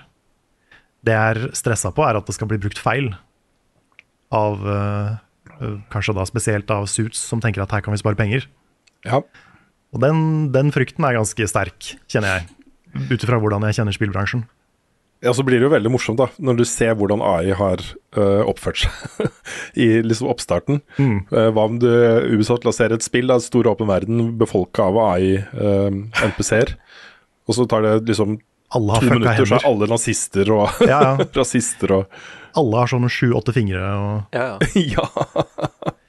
Men det er jo det er så mange sånne uh, skumle etiske spørsmål rundt AI også. uh, men Mm. dette med plagiat, at det er jo ikke Det er jo ikke maskinen som skriver, den bare henter fra andre. Og, Mm. og liksom kutter og limer og blurrer linjene. At det er jo noen plagiatspørsmål her, og spesielt i AI-art så er det et veldig stort spørsmål. Sånn hvor, Mm. hvor etisk forsvarlig er dette her? ja. Uh, skal man selge andre menneskers kunst som bare er kjøtt kverna ut av en AI, liksom? Kanskje plutselig alle MPC-ene har fått en, øh, en pil i kneet sitt. For eksempel. Uansett hvor det er, i hvilket spill det er og, Mm. Og sånt. Så det er, det er sånn der, AI er litt sånn Ville Vesten akkurat nå, på godt og Mm. Så jeg, jeg håper at vi får på plass et uh, Vi må få på plass et eller annet form for etisk system for, for den teknologien her, for den er litt for stor og omfattende til å ikke gjøre det. Og det er jeg helt enig med deg. Og det er kanskje den største utfordringa til, til AI i, i samfunnet. Det er at uh, hvis, hvis, den får lov til å utvikle seg uten regulering og, og, sånt, så kan vi plutselig havne i en situasjon hvor vi blir bare fullstendig fanga av, av, den teknologien vi har skapt. Mm. Det er utrolig mange etiske og samfunnsmessige utfordringer med uh, introduksjonen av faktisk AI. Ja, og så, og så føles det litt, da, uh, for å sette det litt på spissen, så føles det her litt som det andre drapsforsøket på kreative jobber på ganske kort tid. Det første var liksom NFT-a på kattene, Mm. og nå kommer det her, som liksom kan vi, ikke, kan vi ikke prøve å gjøre noe med de jobbene folk ikke vil ha, istedenfor de jobbene folk faktisk vil ha? Ja. Jeg er litt, der er jeg litt mer optimistisk enn deg, da. Fordi jeg, jeg mener jo at, at den menneskelige historiefortellingen, også det er en tradisjon og et fag og en, en har en såpass stor betydning for mennesker generelt. At jeg tror aldri den kommer til å gå bort. Nei, jeg tror De beste historiene vil fortsatt bli fortalt av mennesker med veldig god fantasi. Ja, jeg håper jo det, fordi jeg ser jo noen har det argumentet med at sånn, ja, men eh, menneskeskapt kunst er jo også, eh, tar jo også inspirasjon fra andre steder. Men der er det en forskjell, altså. For det er fortsatt Mm. prosessert gjennom et nytt menneske med et nytt liv, nye erfaringer, noe nytt å kommunisere, noe nytt å fortelle. Det er det som er kunst, på en måte. Mm. Så det er, det er en del ting her som er litt sånn øh, dette vet jeg ikke Jeg er så redd for at det skal bli brukt feil, er på en måte det, det jeg sitter mest igjen med. Ja, så er det jo en reell fare for at øh, Og det, nå er vi over i Skynet og, og sånne ting, men det er jo en reell fare for at, øh, at øh, kunstig intelligens på et eller annet punkt blir så smart at, at om ikke den tar egne valg, så er det i hvert fall de valgene som AI-en tar, er umulig å skille fra de valgene som et menneske ville ha tatt. Eh, At den blir så selvbevisst og så um, dyktig i det den gjør, at, øh, at valgene, outputen fra AI-en, kommer til å fremstå som om det kommer fra et menneske. Det fins jo allerede robocalls og sånn, som, som er ganske overbevisende. Mm. At man sitter på telefonen og tror man snakker med et menneske, og så er det ikke det. Mm. Ja, nei, dette er spennende. Jeg, har, øh, jeg tror kanskje jeg nevnte det forrige gang, men jeg var på en øh, paneldebatt om, om kunstig intelligens på Forskningsparken. Og der, vi har jo en forsker i Norge som heter Inga Strymke, som er utrolig god formidler. og Hun kommer med en bok i mai øh, om kunstig intelligens, og hvordan det øh, blir i framtiden, og hvordan det er allerede i dag. og, øh, og sånt. Den boka gleder jeg meg til å lese. Altså. Dette er øh, et øh, utrolig spennende tema for øh, hele menneskeheten. Mm. Jeg, jeg vet jeg er veldig negativ nå, men altså det, er, det, er helt, det er helt klart et, et bruksområde her, og det er mye Det er spennende teknologi. Mm. Det er bare det er, så mange utfordringer med det også. Det aller, aller, aller viktigste for kunstig intelligens og fremtiden til menneskeheten og sånne ting, er at vi har sånne som deg, Carl. Som er skeptiske, og som stiller spørsmål, og som eh, begrenser og regulerer og, og sånt. Det er helt også, Det kommer til å gå skikkelig gærent hvis alle bare sitter og er sånn «Øy, Det blir fett da med kunstig intelligens-karakterer. og Ja, det- samtale med, ja. Det er noe med å følge tech-bransjen altså, i de, i de ja, siste ja. åra. At jeg liksom eh, Stoler jeg på disse menneskene, egentlig? Ja, nei, jeg gjør jo heller ikke det. Nei. Og det er jo ikke uten grunn at, uh, at uh, altså Elon Musk uh, var jo en av de som oppretta sånn svært kunstig intelligens forskningssenter i USA. Med det utgangspunktet er at hvis ikke vi gjør det, så kommer menneskeheten til å gå under. hvis ikke vi har de beste hjernene til å sitte og forske på hvordan vi skal kunne klare å kontrollere AI, så kommer det til å gå gærent. Så ja. Ja. Det er nok å tenke på om dagen. Det er det. Det er, jo, det er jo litt misvisende at vi kaller det AI, da, for det er jo machine learning akkurat nå. Og, ja, Um, ja. Så, så faktisk kunstig intelligens er det et stykke før vi kommer til. Mm. Så det er en sånn liten distinction der også. Ja, ja, uten tvil. Uten tvil. Vi avslutter også uh, nyhetsspalten med en uh, uh, sak som har preget uh, kanskje da særlig, når, når det er snakk om spill, særlig Destiny-spillere i uka som har gått. Og det er jo at skuespilleren Lance Reddick døde. Han ble jo bare var det 60 eller 62 eller noe sånt år gammel. 60 år. 60 år, ja. Uh, han uh, voicet jo da uh, uh, rollefiguren Savala i Destiny og har gjort det siden starten. Uh, vi snakker i over ni år. Uh, selvfølgelig også en, en anerkjent og, og god skuespiller fra andre ting, inkludert uh, The Wire um, og mye annet. Um, jeg det, det her, jeg, jeg pleier på en måte ikke å omtale liksom, når kjente personer dør på den måten. Uh, jeg skriver ikke noe særlig om det på mine sosiale medier-kontoer og, og sånne ting, som mange gjør da, når David Bowie dør, eller Prince, eller um, Det berører meg ikke uh, på samme måte, selv om jeg er glad i musikken deres. Uh, men her følte jeg jo det på kroppen, for jeg lander i Tower, ikke sant, og folk står da i sirkel rundt Savala eh, og markerer eh, eh, det som har skjedd. Så, um, så uh, det, her kjente jeg på en sånn derre det, det føltes litt nærmere, da. Det var, en, uh, det var en del av min hverdag at han øh, nå er død, da. Så, så det, var, uh, det var trist. Mm. Jeg kjenner jo han veldig godt fra Eller jeg husker han best fra Fringe, egentlig. Ja, det stemmer, han var der også. Han spilte han eh, sjefen i eh, Var det FBI de var i Fringe? Det husker jeg ikke. Men, eller den der eh, overnaturlige forsknings... eh, etterforskergjengen. Yeah. Mm. Men han har jo vært i, vært i mye. John Wick. ja, John Wick stemmer. Selvfølgelig. Nei, jeg, jeg, det, var, det var, ble skrevet en tråd fra en ansatt i Bungie, en som jobber med des å designe raids i Destiny. Hvor han gjenfortalte en eh, historie hvor eh, også Destiny 2 skulle komme ut. Eh, og Lance Reddick er jo en aktiv Destiny-spiller i tillegg. Um, og han, det var et av raidene han ikke hadde fått testa, og det raidet kom til å forsvinne når Destiny 2 kom ut. Så han hadde spurt da Bungie om eh, de kunne hjelpe han med å få fullført eh, raidet. Så hele Twitter-tråden er bare en gjenfortelling av den opplevelsen, av hvordan han var som Destiny-spiller og, øh, og sånt. Og øh, da, da forsterkes jo litt den der følelsen av at han var en av, en av oss. Uh, han var liksom en guardian, han var en Destiny-spiller. En som satte pris på, på øh, de opplevelsene som er i det spillet. I tillegg til at han selvfølgelig er en av de mest ikoniske rollefigurene i spillet. Det Ja. Det er, dette kommer til å merkes i Destiny-universet også. Skal vi leke en lek? Velkommen til spalten Er det en rumpe, eller er det Runes hode? I dag blir det høytlesing av dikt om Sonic. Nødt eller sannhet, kanskje? Slik raider du med barna dine. Dagens debatt hvem er egentlig best av Luigi og Mario? Wildcard-spalten. Oh boy, oh boy. Vi har en wildcard denne uka, og det er Nick som står for den. Jeg vet ikke hva du driver og planlegger, Nick. Det er ikke noe sånn superskummelt, altså. Det er ikke Men eh, jeg, jeg har hørt på noen av podkastene på nytt igjen, liksom.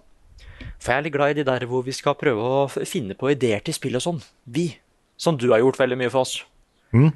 Um, nei, og det jeg egentlig tenkte da, er at eh, hvilke kule spilloppfølgere er det egentlig jeg har lyst på? Sånn egentlig, når jeg tenker meg skikkelig om. Hvis jeg hadde mye penger, liksom. Hva ville jeg sett mer av? Eh, og da tar jeg noe som er litt aktuelt, i hvert fall fra oss, da. Og det er jo det at eh, jeg har spilt en del Sifu, dere. Ja, Og dere har også spilt Sifu. har Og dere likte Sifu, ikke sant? Å ja. Fuck yeah. Ja, ja, ja, det var, det var dritbra. Jeg, jeg må fullføre det på stream, blant annet. Men jo, men greia da, er at eh, det som var så litt kult, var at eh, jeg føler at dette her var på en måte starten på noe som kunne blitt gjort mer. Enten en Sifu 2 eller Sifu-like, liksom. Um, og det Sifu egentlig går ut på, er at du er en person som starter på et sted og skal slåss til bossen. Første sted er liksom et sånt nabolag du skal slåss på, og så ender du på en fabrikk der du slåss mot bossen. Eller et tårn hvor du skal finne CEO-en som er der, og slåss mot henne, liksom. Så det jeg har, da Spiser du babyer? Hva? Spiser du babyer, CEO-en? Ja, det gjør hun helt sikkert. Oh shit, ok, ja. Ja, Hun er ganske fæl, liksom. ja. Nei, Så det jeg lurte på da, er til en Sifu 2. En Sifu-oppfølger. Eller egentlig bare et spill som er ganske likt Sifu. Og du trenger ikke å ha spilt Sifu for å være med på dette her, for jeg skal prøve å få inn community litt her òg, da. Og dere to. Og Frida, hvis du har tid, liksom. Men ok. Og det er da Den heter 'Ideer til steder å slåss på' i Sifu 2. Ja, ok, ja. Ja. Så det det da går ut på, er at da skal jeg bare spørre dere sånn on the spot nå. Hva hadde vært et kult sted å slåss på i Sifu 2, dere? En dyrehage. Slakteri. Ok, hva, hva, hva sa du? sa dyrehage. Det var to forskjellige ja, aspekter av det samme, ja. Ok, En dyrehage og en hva sa du, Rune? Slakteri. Slakteri. Ok, Ja. nice. Der, der har du noen gode ideer. Ja. Var, var ikke første level i Sifu delvis et slakteri, eller husker jeg feil? Nei, det var en sånn fabrikk. Eller det, var et fabrikk ved et nabolag, så du måtte liksom Eller ikke Ja. nabolag. Du måtte gjennom en sånn der blokk først, før du kom til den fabrikken. Ja, ok. Jeg bare mente å huske at det var noen sånne skinker som hang, men det er mulig jeg husker feil. altså. Nei, og Ok, men da har dere de ideene der. Det var ideene dere hadde on the spot. Men Mhm. her kommer da liksom greia med denne wildcarden. Og det er at eh, nå skal jeg si hva reglene er, og neste gang vi da har Sifu 2-ideer til kule steder å slåss på, så skal dere ha en idé, et konsept klart, da. Okay. Og da er reglene så mye som det her, da. Det er at eh, det er om å gjøre å finne et kult sted man kan slåss på i Sifu 2.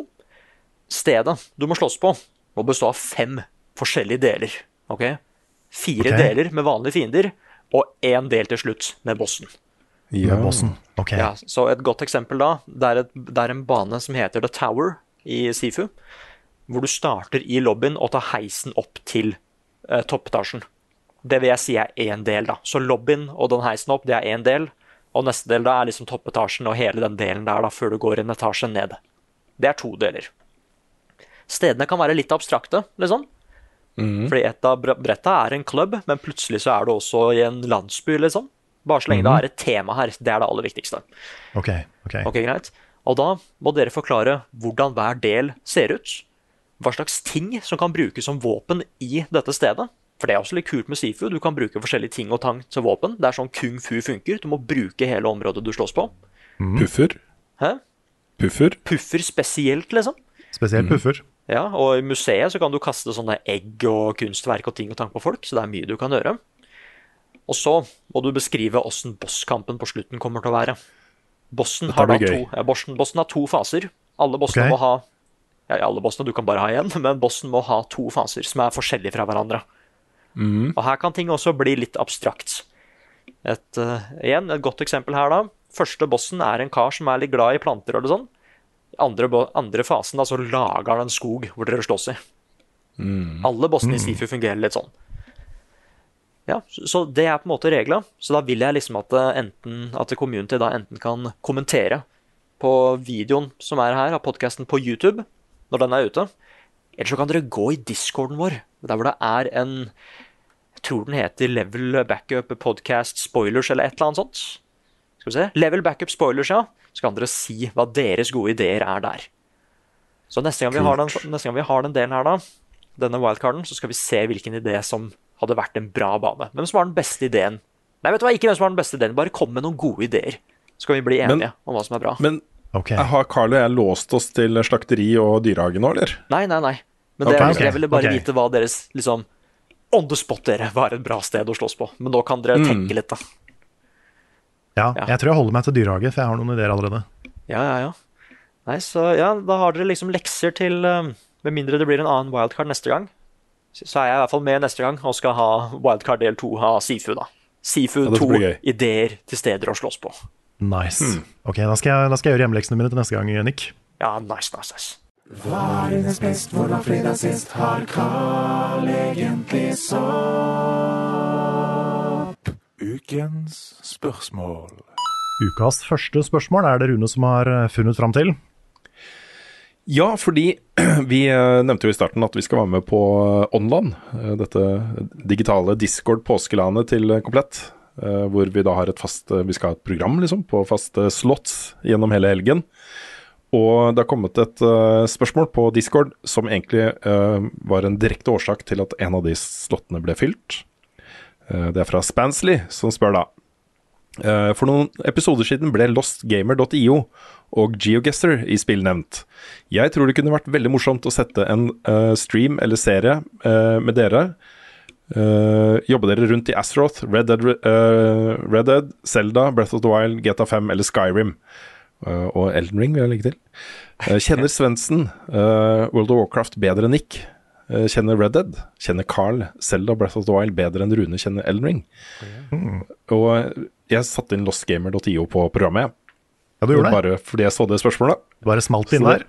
Yes, så det skal vi gjøre der. Det, egentlig så er det bare rart at jeg glemte det, for da vi snakka om det, så var det jo det liksom jeg hadde lyst til å gjøre.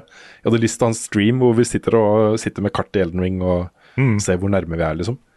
Så kanskje, jeg vet ikke om det er multiplayer-funksjon der, men i hvert fall at vi kan eh, ta liksom hver vår runde og se hvem som får mest poengsum eller et eller annet sånt. da. Jeg tror det kan bli kjempegøy. Går det an å velge spill i det, sånn at ikke du får spill du ikke har spilt, liksom? Ja, du, du, jeg tror du både kan velge random at hver nye oppgave, som i GeoGuessr, er fra et nytt spill, eh, men du kan også velge spesifikt ett spill, og bare ta det spillet. Ja, ok. For du kan ikke, du kan ikke huke av liksom, 'disse spillene har jeg spilt, så de vil jeg ha med'. Ja, det tror jeg ikke. Ok, Men det er ganske avansert også, så det kan hende. Jeg vet ikke. Vi får Ja. sette oss litt mer inn i det. det får vi gjøre. Mm. Så, så det blir da en av de tingene vi skal gjøre den helgen. Det blir eh, dritgøy. Det blir gøy. Ja, og bare for å repetere, da, så eh, Lost Gamer IO er jo geoguesser, men da med kartene fra spill. Så du får da, du blir satt liksom på samme måte ned med sånn 360-kamera på et sted på kartet, vilkårlig sted, og så skal du plassere på kartet hvor du er. Og så får du poeng da, basert på hvor nærme du er, ikke sant. Mm. Så ja, det er veldig kult. Veldig kult. Skal jeg ta et eh, spørsmål her? Mhm. Det er fra, skal vi se Kristoffer Gettoboys Hansen, som spør av de spillene dere per i dag anser som topp ti gjennom tidene. Hvilke spill er dere sikre på at fremdeles er der om ti år? Ja. Ja, Det er faktisk et ganske godt spørsmål, fordi man, jeg har jo hatt en sånn topp ti-liste alltid, eh, med, som ikke har endra seg så mye, da. Uh, Men den endrer seg av og til. Og det er noen spill forsvinner da ut fra topp ti-lista. Det er vanskelig, da, men eh, de gjør det. Og så kommer det inn nye, nye ting. Så um, hvorfor er det sånn? Hvorfor forsvinner noen av disse mine tidligere all time favoritter Mm. ut av en topp ti-liste? Fordi det kommer inn noe nytt, ikke sant? ja. Kommer noe bedre for min del. Mm. Mm. Ja, det er ikke godt å si, altså. Jeg tenker i hvert fall at Undertale og Final Fantasy 9, de er bankers. De har liksom hatt en så stor effekt på meg at de, de kommer ikke til å forsvinne. Mm. Ja, Pluss at de er allerede ganske gamle spill, så det er liksom Det er ikke fare for at de Holdt på å si Eller Undertale er ikke så gammelt, men Final Fantasy 9 er gammelt. Og det har jo ikke tapt seg for meg selv om det er gammelt, liksom. Nei, men det er noen spill som i kontekst av da du spilte de, og den du var da, um, har større innvirkning enn om du setter deg ned og spiller akkurat det samme spillet i dag med den du er nå. Mm, det er sant. Og det, det er eh, Da Jeg har opplevd at um, Altså, jeg syns jo fortsatt at både Half-Life og Metal Gear Solid-spillene er amazing. Jeg kan sette meg ned og spille de og ha det dritfett. Men jeg må innrømme at det er to av de seriene som flyttes ned på lista uh, av nye ting jeg har spilt. Fra Mm. From Software eller Returnal. Returnal også, Nick. Å, herregud. Ja. uh, og det er så vondt å innrømme det. Altså, det føles som om jeg svikter på en måte min egen spillidentitet på en måte, ved å si at nei, nå er det kanskje på ellevteplass, da, eller på ikke sant? Det er fortsatt høyt der oppe og et av noen av de beste spillene jeg har spilt. Mm. Det er bare andre ting som jeg verdsetter enda litt høyere nå. Da. Mm. Det føles så rart å si det. Ja. Men det var en lang periode hvor ikke jeg fikk noen nye favorittspill. Mm. Det var liksom først i, i 2015 hvor både Bloodborne og Undertale kom. Det var første gang på mange år, husker jeg, at liksom disse, her, disse er helt på toppen. Mm. Ja, nei, for jeg klarer ikke å ha en topp 10-liste uten Bloodborne og Elden Ring, Returnal. Jeg ville til og med ha med Red Dead Redemption 2 der. Ja, ja. Eh, Jeg vil ha med God of War 2018. Mm. Alt dette er nye spill ikke sant, som har kommet i nyere tid. Ja. Men det er, jo, det er jo også sånn at veldig mye altså, ting eldes forskjellig. da. Ja. Det kan jo hende at liksom, vi en dag får et Bloodborne 2 som, som dunker Bloodborne av lista, liksom. Mm. For det er sånn jeg tenker litt òg. For jeg, jeg tenkte at jeg var ganske trygg, jeg vet. Fordi jeg kunne ha dette Dragon Ball-spillet mitt. Siden det kommer jo ikke flere oppfølgere til Tenkaishi 3, liksom. Men nå har de jo sagt at det kommer mer 16 år seinere. ja. Nei, men jeg, jeg kan jo Kan det ikke komme mer Godhand? Jeg vil ikke at den skal være sikker på lista, for jeg vil at det skal komme mer, på en måte. Mm. Nei, men samme med Near Automata at jeg syns det er kjempebra. Men Near var over Near Automata først, og så kom Near Automata, ikke sant? Det, han kan plutselig lage noe bedre, han Yoko Taro, føler jeg, da. Mm. Nei, så jeg har ikke så mange sånne som er 100% låst fast, liksom, kanskje bortsett fra Godhand. Siden jeg tror ikke det kommer til å dukke opp noe mer av det. Det- er et bra spørsmål, altså. Det er, eh, Jeg tror egentlig det eneste av liksom sånn de gamle klassiske spillene som er bankers for meg på en topp ti-liste, sånn for all tid, det er nok Shadow of the Colossus. ja. Jeg, jeg tror på en måte det er det eneste av de spillene som jeg har hatt på en topp ti-liste, som jeg vet helt sikkert alltid kommer til å være der. Ja. Men det har, det har noe med liksom rollene et spill har hatt i livet ditt òg, tenker jeg. Mm. At det, selv om det kommer nye spill som kanskje er bedre på så å si alle måter, da, så kan de ikke erstatte den opplevelsen du har hatt. Det er sant. Og det, Nei. Ja. Nei, Det spørs jo litt hva slags liste du skal lage også, ikke sant. Skal du lage en topp ti-liste over de spillene som har betydd mest for deg som spiller eller som person uh, gjennom tidene, så vil jo det være en annen liste enn de ti spillene du setter mest pris på i dag. Mm. I bakspeilet, liksom. Når du ser tilbake, vil, hva er de ti beste spillene du har spilt? Ikke de som har betydd mest for deg i de periodene og sånne ting. For da må jeg begynne å ta inn liksom Donkey Kong, Game Watch, Pong Sanne ting, liksom. ja. Jeg tror Undertale topper begge mine, altså, Ja. Mm. faktisk. Det, og Final Fantasy 9 er jo en sånn Jeg syns jo det spillet har holdt seg, faktisk. Det er ikke lenge siden jeg spilte det igjen. Jeg er fortsatt glad i det liksom, som et spill i 2023. Mm. Men uh, fader, jeg er spent på om det kommer en remake. De driver jo og snakker om at det kanskje kan komme en remake. Ja, ikke Ja. Jeg tror jeg, må, jeg tror jeg sier um, favorittspillene mine til Game of Advance. Liksom Pokémon generasjon 3 og Fire Emblem og sånn. For jeg føler at det grunnen til at jeg også er så glad i de, er fordi presentasjonen og den stilen De kommer jo ikke til å gå tilbake til det. vet du. De går bare til disse der mer realistiske spillene nå. 3D-modeller og ting og tang. Ja, Da er du litt heldig da, hvis du har sånne ting som Super Mario Bros 3 eller, eh, eller Metroid uh, Zero Mission eller uh, Advance Wars eller noe sånt på din topp 10-liste. Mm. Så er det jo ganske bankers, for Ja. de er jo på en måte litt spikra i stil og alt mulig rart for all tid. ikke sant? Ja, de kan litt- ikke bli forbigått av noe. Ja, de Nei, de er litt, de er litt tidløse. Mm. Sånn er jo Hollow Knight også, syns jeg. At det er, det er på en måte du, du kan Altså Du kan sikkert legge inn litt mer shading i grafikken, men det er fortsatt det samme spillet.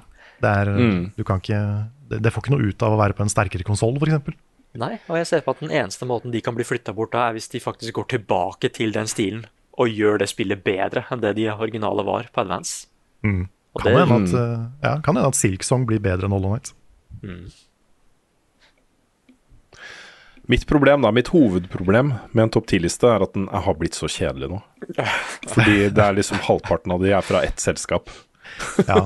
Du kan ha en regel, da, og lage en topp 10-liste hvor det er ett spill per selskap Ja. eller per serie. Hvis jeg noen gang skal lage en ny oppdatert uh, all time topp 10-video eller noe sånt, så kommer jeg til å gjøre det som en regel. Ja, Um, jeg også har vært nødt til å gjøre det. sammen. Mm. Da hvert fall Førsteplassen er jo, er jo veldig klar, liksom. Det blir jo da enten Bloodborne eller Elden Ring, med da alle de andre From Software-spillene som jeg også er glad i, uh, bakt inn i pakka. Mm. Så ja. Yes. Skal vi ta et spørsmål til? Alright. Ja, jeg har satt opp masse her, jeg. Ja, kjør på. Eh, Jeg har lyst til å ta bare et veldig kjapt et fra Tor Arve Thorsen, som eh, lurer på den avtalen vi har med NRK om anmeldelser.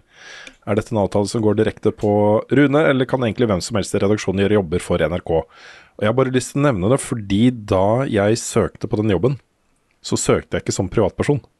Jeg søkte ikke som Rune, liksom. Jeg søkte som Level Up-redaksjon. At vi har jo en, en stab av folk som kan dekke alt av sjangere og, og sånt. Eh, hvorfor ikke, liksom. Men eh, da var de veldig tydelige på at det de ønsket seg var på en måte det de kaller da en profil, ikke sant. En person, en som de kan bli gjenkjent som NRKs spillekspert eller spillkritiker, som de kan ha på TV eller på radio, eh, og folk vet og assosierer den personen med NRK. Så det, det var, de ville ikke ha hele level up. Så da ble det, ble det sånn. Mm. jeg syns det er litt synd, da. Det var liksom, jeg så det som en utrolig kul måte å bare skohorne inn redaksjonen vår inn i NRK, ikke sant? Men eh, eh, ja.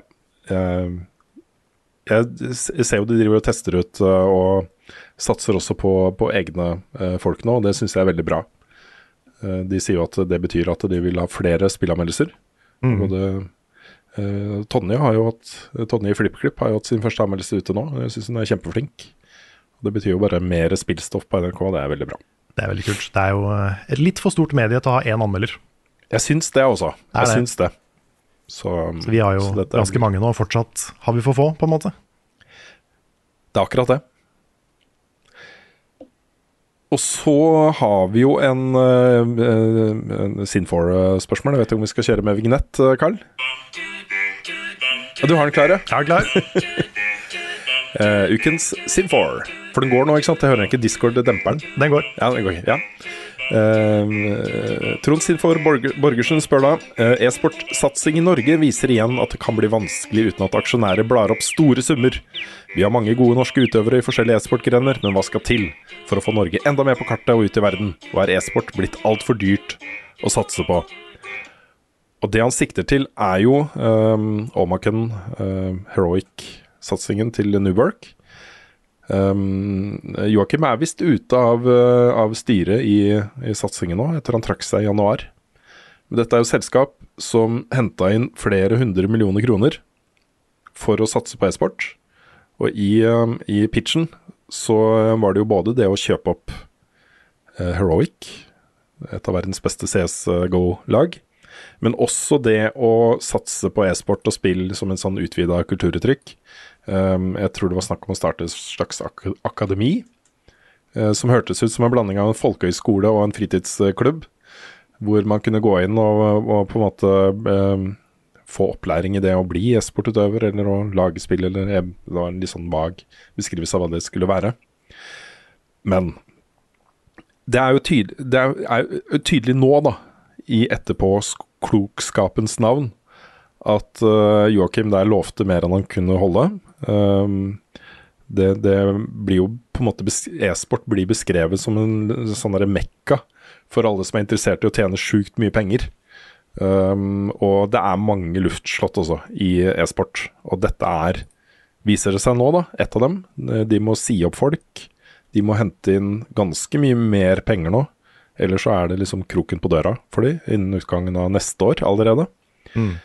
Uh, og det er en kjempeutfordring for e-sport. Uh, det er at det er så mange som har lyst til å satse, og de har lyst til å satse så mye. Uh, og så høyt, og så dyrt.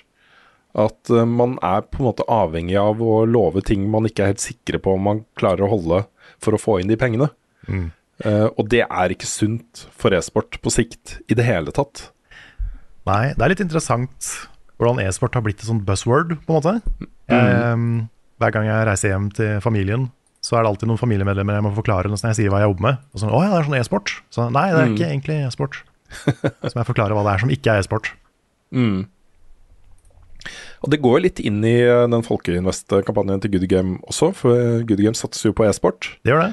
Uh, men der er jo um, Jeg er veldig tilhenger av modellen til Telialigaen, fordi det er breddeidrett, fordi hvem som helst kan være med. Det er liksom divisjoner langt ned i Du kan sitte og være en helt nykommer i CSGO og lage et lag med kompisene dine og være med i Telialigaen. For, for, en flott tanke, liksom. For en, eh, en demokrati, demokratisering av e-sport. Uh, som ligner jo modellen til Fotballforbundet og, og sånt. Jeg syns det er en veldig fin måte å, å tenke e-sport på. Hvor det handler mye om kultur, det handler om å aktivere så mange som mulig, det handler om inkludering. Um, og det er divisjoner. Også du har en elitedivisjon der også. Folk kan bli gode. Så gode at de blir snappa på lag i utlandet og sånne ting. Men det er måten å bygge sunn e-sport på. Det er å ikke uh, satse for høyt, ikke love for mye. Bare la e-sporten få lov til å utvikle seg på de premissene som ligger i e-sport fra før. Det er gøy nok å ha et grunnlag hvor det å, det å på en måte konkurrere i e-sport, og det å se på e-sport, er gøy nok. Du trenger ikke sta, et stadion full av folk og milliarder av, av, penger for at dette skal være gøy. Det må få lov til å utvikle seg på egen hånd. Og Der er, blir jo modellen egentlig mer sånn X Games, hvor, uh, hvor uh, ekstremsport fikk på en måte lov til å utvikle seg i, uh, på sin egen, i sitt eget tempo. Uh, og pengene kom etter hvert fordi interessen vokste og de begynte å liksom selge ut uh, konkurranser og sånne ting. Og folk ble gærne, folk ble supergira.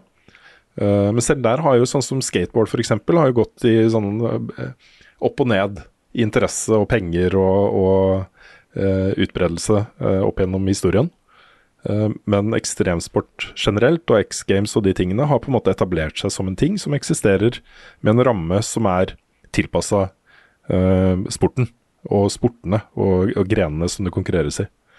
Så um, det må e-sport også få lov til å gjøre, altså. Ellers så kommer du til å bare se det ene luftslottet etter det andre bare rase, sam rase sammen. Og konsekvensen av det er jo arbeidsplasser og eh, anseelse og, og utbredelse og hvor seriøst folk tar e-sport i, i samfunnet generelt. Det er ikke bra for, e- for e-sport at, eh, at noen går ut og lover at dette skal bli eh, en pengemaskin eh, i mange hundre billioners klassen, eh, når de fleste da, som er liksom godt involvert i e-sport, vet at det ikke stemmer. For de fleste, da. Noen vil jo lykkes. Noen vil bli den nye Team Liquid, liksom. Men eh, det skal så mye til for å komme dit. Så ja. Yes, Har du et spørsmål du vil ta, Nick? Ja, det er eh, Skal vi se. Det er litt langt, men jeg kan prøve å forkorte litt, da. Eh, Fordi Daniel Kvien eh, spør først om det er noen av oss utenom Frida da, som har klart The Golden Path i Tunic på egen hånd. Så kan folk si ja, liksom, om de har klart det. Jeg har klart det. Har du klart Fy søren, din gærning. Ikke hele. Ikke hele. Ikke hele. Jeg var liksom Jeg fant ut av starten på den på, en, på egen hånd. Ja. Uh, og det, det er en sånn derre Hvis du først finner ut av den der nøkkelen som skal til for å skjønne hva The Golden Path er, så kan du starte den på egen hånd. Og det er ikke noe problem. Og du kan fullføre på egen hånd også, hvis du vil. Fordi da har du en, den ene sentrale nøkkelen du trenger for å forstå den tingen. Du har den, eh, og da er det bare å bruke den eh, der du trenger å bruke den. Så jeg fant ut av hele starten. Jeg husker jeg sendte deg også et sånt eh, Photoshop-dokument jeg hadde begynt å tegne på, Carl. Stemmer det. Men jeg fullførte ikke hele den på egen hånd. Det gjorde jeg ikke. Nei. Nei, men det er, det er litt magisk altså, når du kommer til det, det punktet hvor er sånn, ok, nå, nå tror jeg at jeg kan løse det her. Mm. Ja, for jeg veit jeg fortsatt ikke hva det er engang. Jeg må Nei. Nei. Jeg skal øh, streame øh, Tunic mer. Plutselig så kanskje jeg ser Mm. det. Men i hvert fall, øh, det spørsmålet handler om, da, er øh, sånn generelt Hvor strenge er dere med dere selv når dere kommer til å ikke google løsninger, hints og guides i spill? Er dere utålmodige når dere sitter fast og sjekker nettet? Eller kan det gå dager eller måneder før dere tyr til hjelp? Og så spør, det, spør han altså føler dere skam når dere søker opp ting. Det kommer så an på spillet for meg. Ja. Eh, jeg husker da jeg spilte The Witness, så var jeg fast bestemt på at her skal jeg ikke bruke guide. Okay. For da, Ja, det er et godt da forsvinner liksom spillet hvis man bruker guide på det. Mm. Um, men f.eks. i Wild Arts, da, hvis jeg mangler ett materiale for å oppgradere våpenet mitt, så er det ikke noe problem med å google hvor det materialet er. Nei, det skulle jeg si òg. Helt enig. Liksom, Mm. Gold scale, hva, hva Ja. er det? Ja, hvor er vi finner det? Og så Ja. er det to forskjellige versjoner av hvert map. Og, Ja, så bare Det er den firfisla helt der borte som har den. Åssen skulle jeg visst det, liksom? ja, Ikke sant? Da kan jeg bare google det istedenfor å bruke fem timer på å leite. Ja, ikke sant? Jeg har ganske lav terskel for å søke opp eh, hjelp eh, når jeg står fast i spill, og føler ganske liten grad av skam eh, for å gjøre det. Eh, det er eh, Jeg har en sånn eh, praksis på det hvor, hvor jeg er veldig glad i å finne ut av liksom starten på ting på egen hånd. At ok, her er, her er det noe, jeg har funnet starten på det, jeg skjønner greia, liksom. Uh, og jeg vet med meg selv at hvis jeg bare legger nok man hours inni dette her, hvis jeg bare grinder ut nok, så finner jeg ut av det. Men uh, jeg vil gjerne ta den snarveien, da. Som regel. Eh, og så må jeg legge til at i de tilfellene hvor det ikke har vært mulig, så har jeg jo eh, for det første gått glipp av sjukt mye, men for det andre også fått den der tilfredsstillelsen av å finne ut alt på egen hånd. Og det er Jeg, jeg setter jo pris på det også, så i den grad jeg har mulighet, så, så foretrekker jeg å finne ut av ting på egen hånd. Men det er sånn som Elden Ring, liksom. I hvert fall før det begynte å komme opp ikoner på hvor disse NPC-ene var på kartet. Hvordan fant folk ut av de NPC-questene? Jeg husker jeg så noen, eh, noen eh, videoer fra eh, Fight Cowboys og andre i, liksom helt i starten av Elden Ring. Og de var jo så forbanna for de questene, fordi det var hun der som skal ha Shabiri Grapes, liksom. Som jeg møtte én gang, og så gikk det tolv timer, og så møtte de henne neste gang. Og da hadde du glemt questen, og de visste jo ikke hva det questen egentlig var. Og sånn er det spillet litt, ikke sant. Ja, Det er et godt eksempel. For jeg klarte, jeg klarte Rani sin uten guide. Oi, Og så- ja, det er bra. Mm. Og det var bare flaks for bare OK, jeg føler jeg har alle tinga nå, hvorfor er det ingenting som funker? Kanskje jeg skal Ja. interakte med dette her mer, bare for å se. Og så var det bare flaks. Uh, og det var veldig kult når man kom til slutten, for det var så veldig Det skjedde så svære ting i den sidequesten. Men jeg Mm. husker at jeg skulle kritisere eh, spillet fordi Jeg liker ikke den introvideoen, fordi det er, det er noen folk der som aldri dukker opp i spillet. Goldmask dukker aldri opp. Og det er fordi jeg har helt Jeg visste ikke at det var en Quest engang. Den var bare helt borte. Så det var Mm. Ja, da må du jo først snakke med han ene fyren et par ganger i eh, Roundtable Hold. Hvis, hvis ikke du har gjort det, liksom, så får du ikke neste ting. Og du kan jo gå glipp av at han står på det kartet der bare helt Helt øh, Gjør ingenting ut av seg. Han bare står der. Ja, ikke sant? Jeg trodde han bare var law, men bare nei. Han er, ikke bare kan du finne han, han er en karakter i spillet, liksom. Mm. Nei, så det, det var ulempen med å ikke bruke guides der, fordi det var mye jeg gikk glipp av. Så da kunne jeg liksom gå tilbake igjen. Men regelen min er som regel det at eh, hvis jeg kan se at det er noen måte å løse det på, så bruker jeg ikke guides. Hvis det er noe logisk her. Mm. Men for eksempel da vi prøvde å Da vi streama PT, ja, PT, og vi skulle få den hemmelige slutten der, liksom. Det er jo ikke sjans å finne ut åssen du skal få den, føler jeg, da. Nei. Klarte vi det til slutt? Nei, fordi vi måtte ha en mikrofon, liksom, til eh, PlayStation. Ja. Og så måtte Ja. du si ting, og liksom det- var en hel sånn prosess som det er bare sånn Jeg skjønner ikke at noen faktisk klarte å finne det ut først selv. Åh, faen, han er gæren, ass. Jeg har en teori, da. Um, fordi det har vært masse quester og sånt i Destiny som har vært helt uforståelige. Noen finner jo ut av det. Jeg har en teori om at, hvis, at utviklerne av sånne spill sitter og følger med. Hvis det tar for lang tid, hvis community ikke klarer å finne opp løsningen, så lekker de noen hint oh, ja. til noen Mm. utvalgte innholdsskapere. Det er nok en del quester som har blitt designa med community in mind, ja. Eller som Mm, er sånn der, eh, litt sånn ARG, nesten. Mm. Nei, det er et godt eksempel der. Eh, siste easter eggen i Batman Arkham Asylum ble jo ikke funnet før et år etter at spillet ble lansert. For den skulle jo hinte til Batman Arkham City, ikke sant? Så da sa de bare sånn De hadde sagt at det var noen hemmelige vegger, og bare Ja, men hva hvis du bruker litt mer sprengstoff? Hæ? Og da skjønte folk bare Mm. OK, da kan vi kanskje gjøre det andre steder, da. Men ja, jeg føler meg altså ganske skitten hvis jeg har brukt en guide på et eller annet. Og jeg, for, Nei, jeg gjør ikke det, altså. Nei, jeg heller gjør ikke det. Hvis jeg, det kommer helt an på liksom, Hvis jeg får en bedre opplevelse av å sjekke noe, så gjør jeg det ofte. Hvis Ja, der er Elden Ring igjen også et kjempegodt eksempel. Også selv om jeg har brukt eh, liksom guides, eh, og da er gjerne de guidene som ikke bare outliner alt som skjer, liksom. Mer sånn hint, gå dit, snakk med den. Mm. Da, nå er den personen der, gå dit. Den type guides, da. Ja. Sånn som den Goldmask-questen, for eksempel, i Elden Ring. Jeg hadde spilt spillet i hvert fall 200-300 timer før jeg gjorde den questen. Og jeg syns den var så fet. Det som skjer på slutten her, er så kult. Mm. Jeg er så glad for at jeg fikk oppdaga det, eller opplevd det. Eh, ikke oppdage det, for det var jo det jeg ikke gjorde. Men, eh, men det, er, det ga en ny opplevelse i et spill jeg allerede kjente veldig godt, liksom, som jeg satte pris på. da. Nei, det, Så- det er et eller annet med at jeg får ikke det her igjen, på en måte. At liksom Jeg kan aldri, være, jeg kan aldri løse denne oppgaven nå fordi jeg fikk løsningen av noe annet. Mm. Nei, den øh, Det skjedde i Octopath Traveler òg, for der er ting litt sånn Ting er veldig vagt på åssen du skal løse noen av de sidequestene. Og da ble jeg til slutt sittende så lenge at øh, Har jeg gjort det riktig, eller er det kanskje ikke mulig å gjøre det med disse karakterene? Og da fant jeg ut at øh, jo, jo, det er faktisk mulig. Jeg har bare liksom Jeg har bare tolka oppgaven helt feil. Det er liksom som å si at liksom, ja, the answer is right. Men så er det ikke at det er riktig, det er høyre, liksom. Jeg løste det feil Mm. sånn. Da følte jeg meg dum. Nå f kjenner jeg bare virkelig virkelig at jeg gleder meg til å se deg spille mer Tunic, Nick. Ja, fy fader. Det jeg er så spent på når du, når du kommer til alle de, de, de endgame-tinga der. Bare ta på deg tinfoil-hatten og, og tenk så det knaker. Det her blir gøy, ass. Ja, jeg, jeg kjenner at nå må jeg hoppe inn igjen snart, altså. Det, det var Mm. ordentlig moro.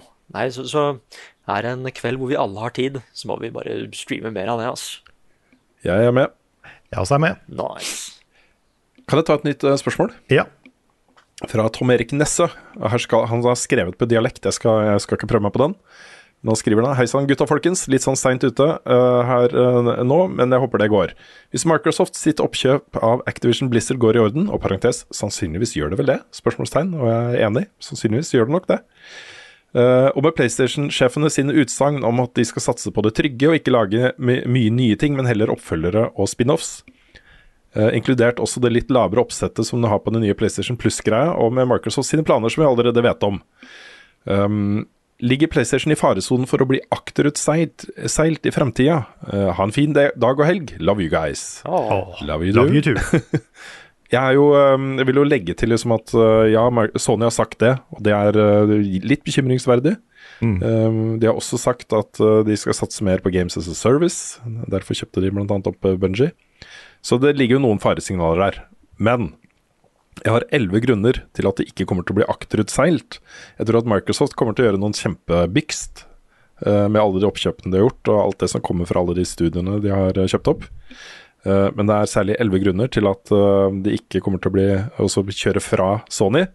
Og de grunnene heter Polyphony Digital, Team Asobi, Guerrilla Games, Housemark, London Studio, Media Molecule, Insomniac, Naughty Dog, Santa Monica Studio, Sucker Punch og Bungie. De eier flere selskaper også, flere studioer, men dette er altså noen av verdens beste utviklere, og de kommer til å fortsette å lage spill for PlayStation, og det er nok til at de ikke blir kjørt fra. Ja, altså Activision og Call of Duty spesielt er jo en sånn bauta i spillindustrien. Som sikkert Mm. betyr, eh, altså det betyr mye for spillere, men det betyr også, betyr også ekstremt mye for CEOs. Så jeg skjønner at de gjør alt de kan for å stoppe den. Mm. Men, eh, men de har jo noen exclusives som er helt vilt bra. Som kanskje er de Sony er jo i ferd med å havne på det nivået som Nintendo alltid har vært på, med exclusives. Mm. Med sånne must play-spill som du bare får der. Ja. ja det, jeg føler det har vært sånn nå lenge. Og det var en dipp med PlayStation 3. Um, men uh, særlig liksom PlayStation 1, PlayStation 2, PlayStation 4, og nå da i ferd med å bli også PlayStation 5, så har de hatt såpass mange eksklusive spill som er i absolutt toppklasse. um, til at, uh, at det, det, det kommer ikke til å forsvinne. Nei.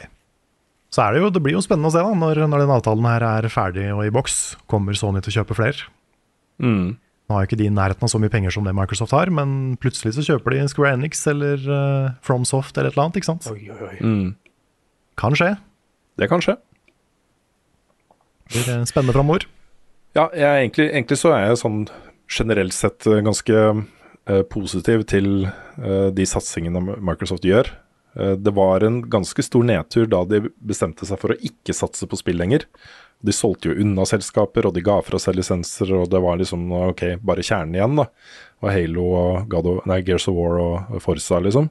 Mm. Eh, Det at de eh, satser på eget innhold på den måten de gjør nå, er bra for spillmedier generelt. Det skjerper konkurransen. Det eh, vil i praksis bety flere bra spill, tror jeg, da, på sikt.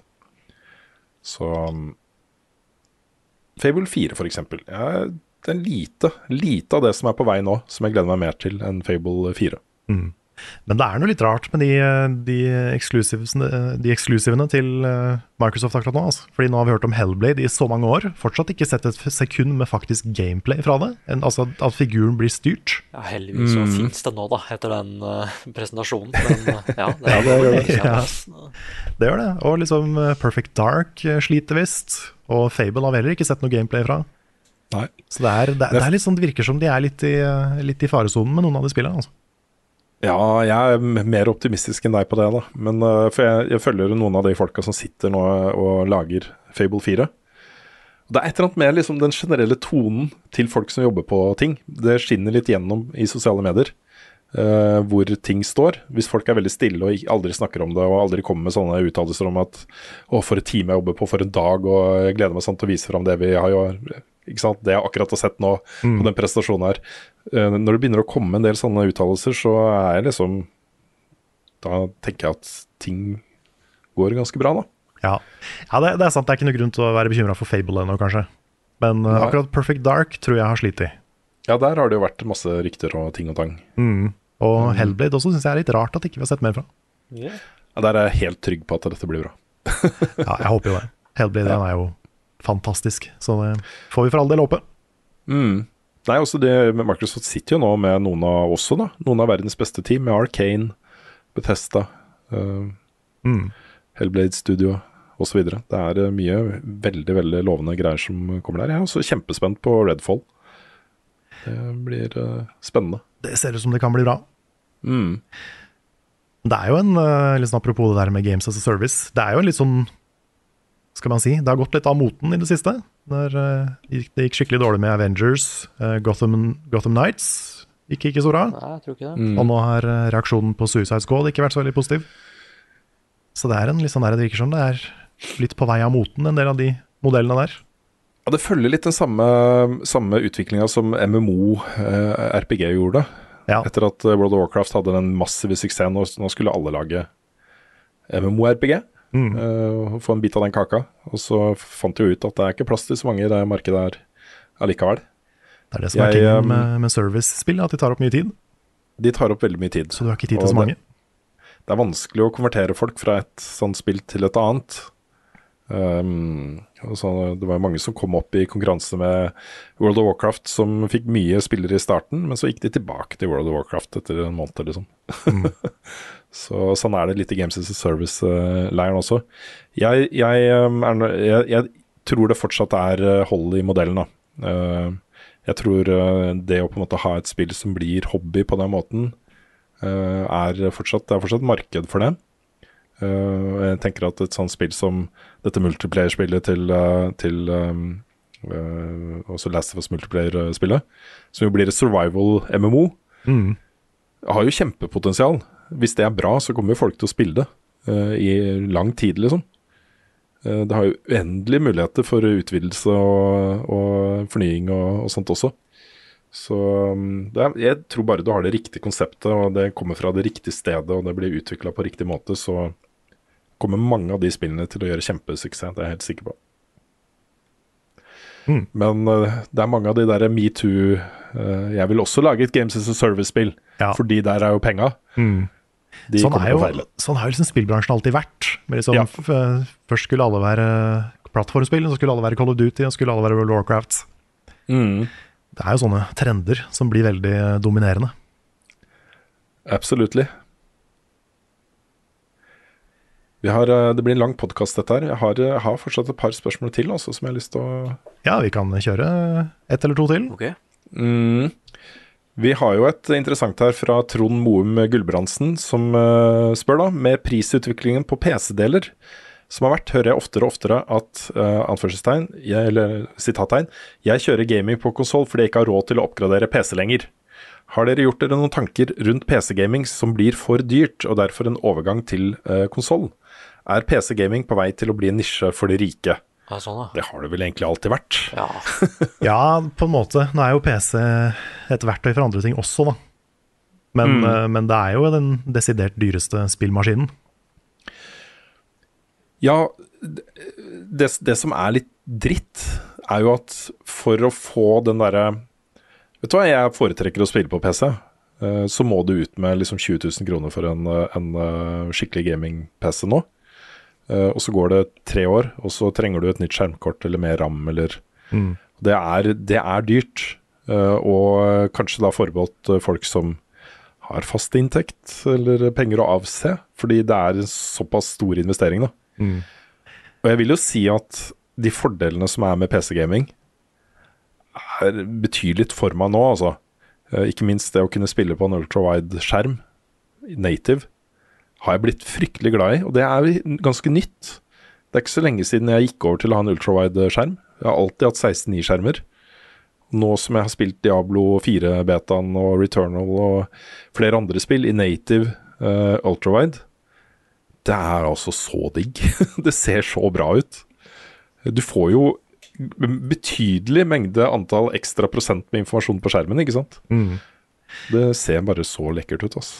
Ikke minst så har du hele mod, eh, mod-verden, Mm. hvor du kan eh, få ganske mye mer glede ut av spill hvis du eh, finner en kul mod til de. Mm. Men eh, ja, jeg, jeg syns du har et poeng da med at PC er mer enn bare gamingting. Og det rettferdiggjør nok kanskje også pengebruken i større grad. Da. Men eh, jeg sliter nå fordi sønnen min er jo kjempeglad i å spille på PC. Han har en skikkelig crap PC. Det funker liksom til de tingene så vidt det er, liksom.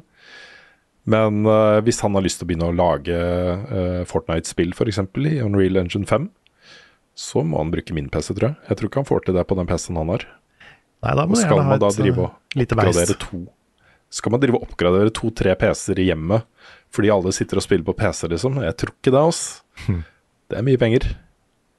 Det er det. Jeg har alltid vært ganske glad i konsollgaming. Eh, ikke bare fordi det er billigere enn PC, men, men også fordi jeg kan sitte i sofaen og stor TV, og det er litt mer, litt mer komfort i det, på en måte. Mm. Mindre hassle å få spilt og funke og sånn. Men det er Bare vent til du får nye kontorstolen din, du, Karl. Ja, for den, den får jeg på fredag. Ah, Den kommer på fredag. Jeg er veldig spent. Det kan hende det forandrer ting. Mm. Men, øh, men øh, ja. Nei, det, det, men det er jo en helt egen, det er et helt eget kvalitetsnivå hvis du har en bra PC. Det merker jo jeg jo. Så øhm, Men det er jo, der er jo liksom sånne ting som GamePass og til en viss grad av PlayStation Plus en veldig bra ting. At du, du kan kjøpe en konsoll, og hvis du, hvis du bruker det abonnementet, så har du tilgang på mange spill. Ja. Mm. Og mulighet til å følge med på spillindustrien, liksom. Hva som skjer. Det er jo kjempebra. Ja. Det er en fin motvekt til eh, dyre PC-spill. ja, ikke sant. Så Mm. har jeg aldri hatt en så sterk PC at jeg har merka forskjellen. At den er bedre. Det er konsol. grafisk, liksom? Ja. Mm. Så kanskje jeg bare ikke har eh, jeg har, jeg, jeg har ikke hatt the power, ikke sant? så jeg veit ikke helt hva jeg snakker om. ikke sant? Men nei, det samme det at eh, er det mulig å ha det på konsoll, så går jeg som regel dit, fordi det er trygt der, ikke sant. Det er Mm. bare spillet sin feil hvis det lugger litt, så det er ikke PC-en. Det er sant. Nei, det er et kjempeviktig poeng. Mm. Det er eh, Jeg må si at jeg foretrekker ofte å spille på konsoll nettopp fordi um, spillene ofte flyter bedre. De er laget for konsollen, det er eh, Ikke sant? Eh, En enklere plug and play-prosess, da. Uh, hvis det, ting lagger, eller hvis uh, ting uh, hvis spillet krasjer, liksom, så starter det alltid med hva er galt med min PC? Og så må du drive og researche det. ikke sant? Du må finne har jeg riktig driver. Bør jeg sette opp på den in- innstillingen istedenfor den? Bør jeg justere her? Og så videre, ikke sant? Så blir man sittende, da. uh, apropos det du sa nå, så har jeg en litt sånn trist nyhet, uh, nyhet å komme med i podkasten. Okay. Jeg, sk jeg skulle jo, fordi vi hadde den der uh, saken vår, Nick, om uh, Wii U og 3DS-shoppen som stenger. Ja. Så jeg plugga inn Wii U-en min igjen for å laste ned noen siste spill før butikken stenger. It's dead. Nei! Å nei. Wii U-en min er død. Åh, går det bra? Den overlevde ikke å stå fem år på hylla. Går det bra, Carl? Det går bra. Jeg må bare, jeg må bare erkjenne at det, det, den- den kampen er tapt. Ja, men kan, kanskje vi har noen venner som kan skaffe de spillene for oss? hæ? Ja, kanskje vi har det. Jeg tror det, det er noen som sier at hvis du bare har den plugga inn i en uke, liksom, så begynner den å kicke i gang igjen. er, det, er det en ting? Ja, Jo, jeg, har, jeg har hørt om folk som har eh, Jeg har også en blikka Switch her hjemme, Ok, som, uh, som bare vi ikke får til å funke igjen. Men jeg har hørt at hvis du bare lar strømmen stå i lenge nok, så begynner den å lade igjen. Ah, okay. yes. For noen har det funka. Ja, men ha, Ja. ha Carl en uke. Nei, jeg har ikke, jeg har ikke det. vet. Eller jo, jo, jeg har kanskje akkurat en uke, men um, Ja.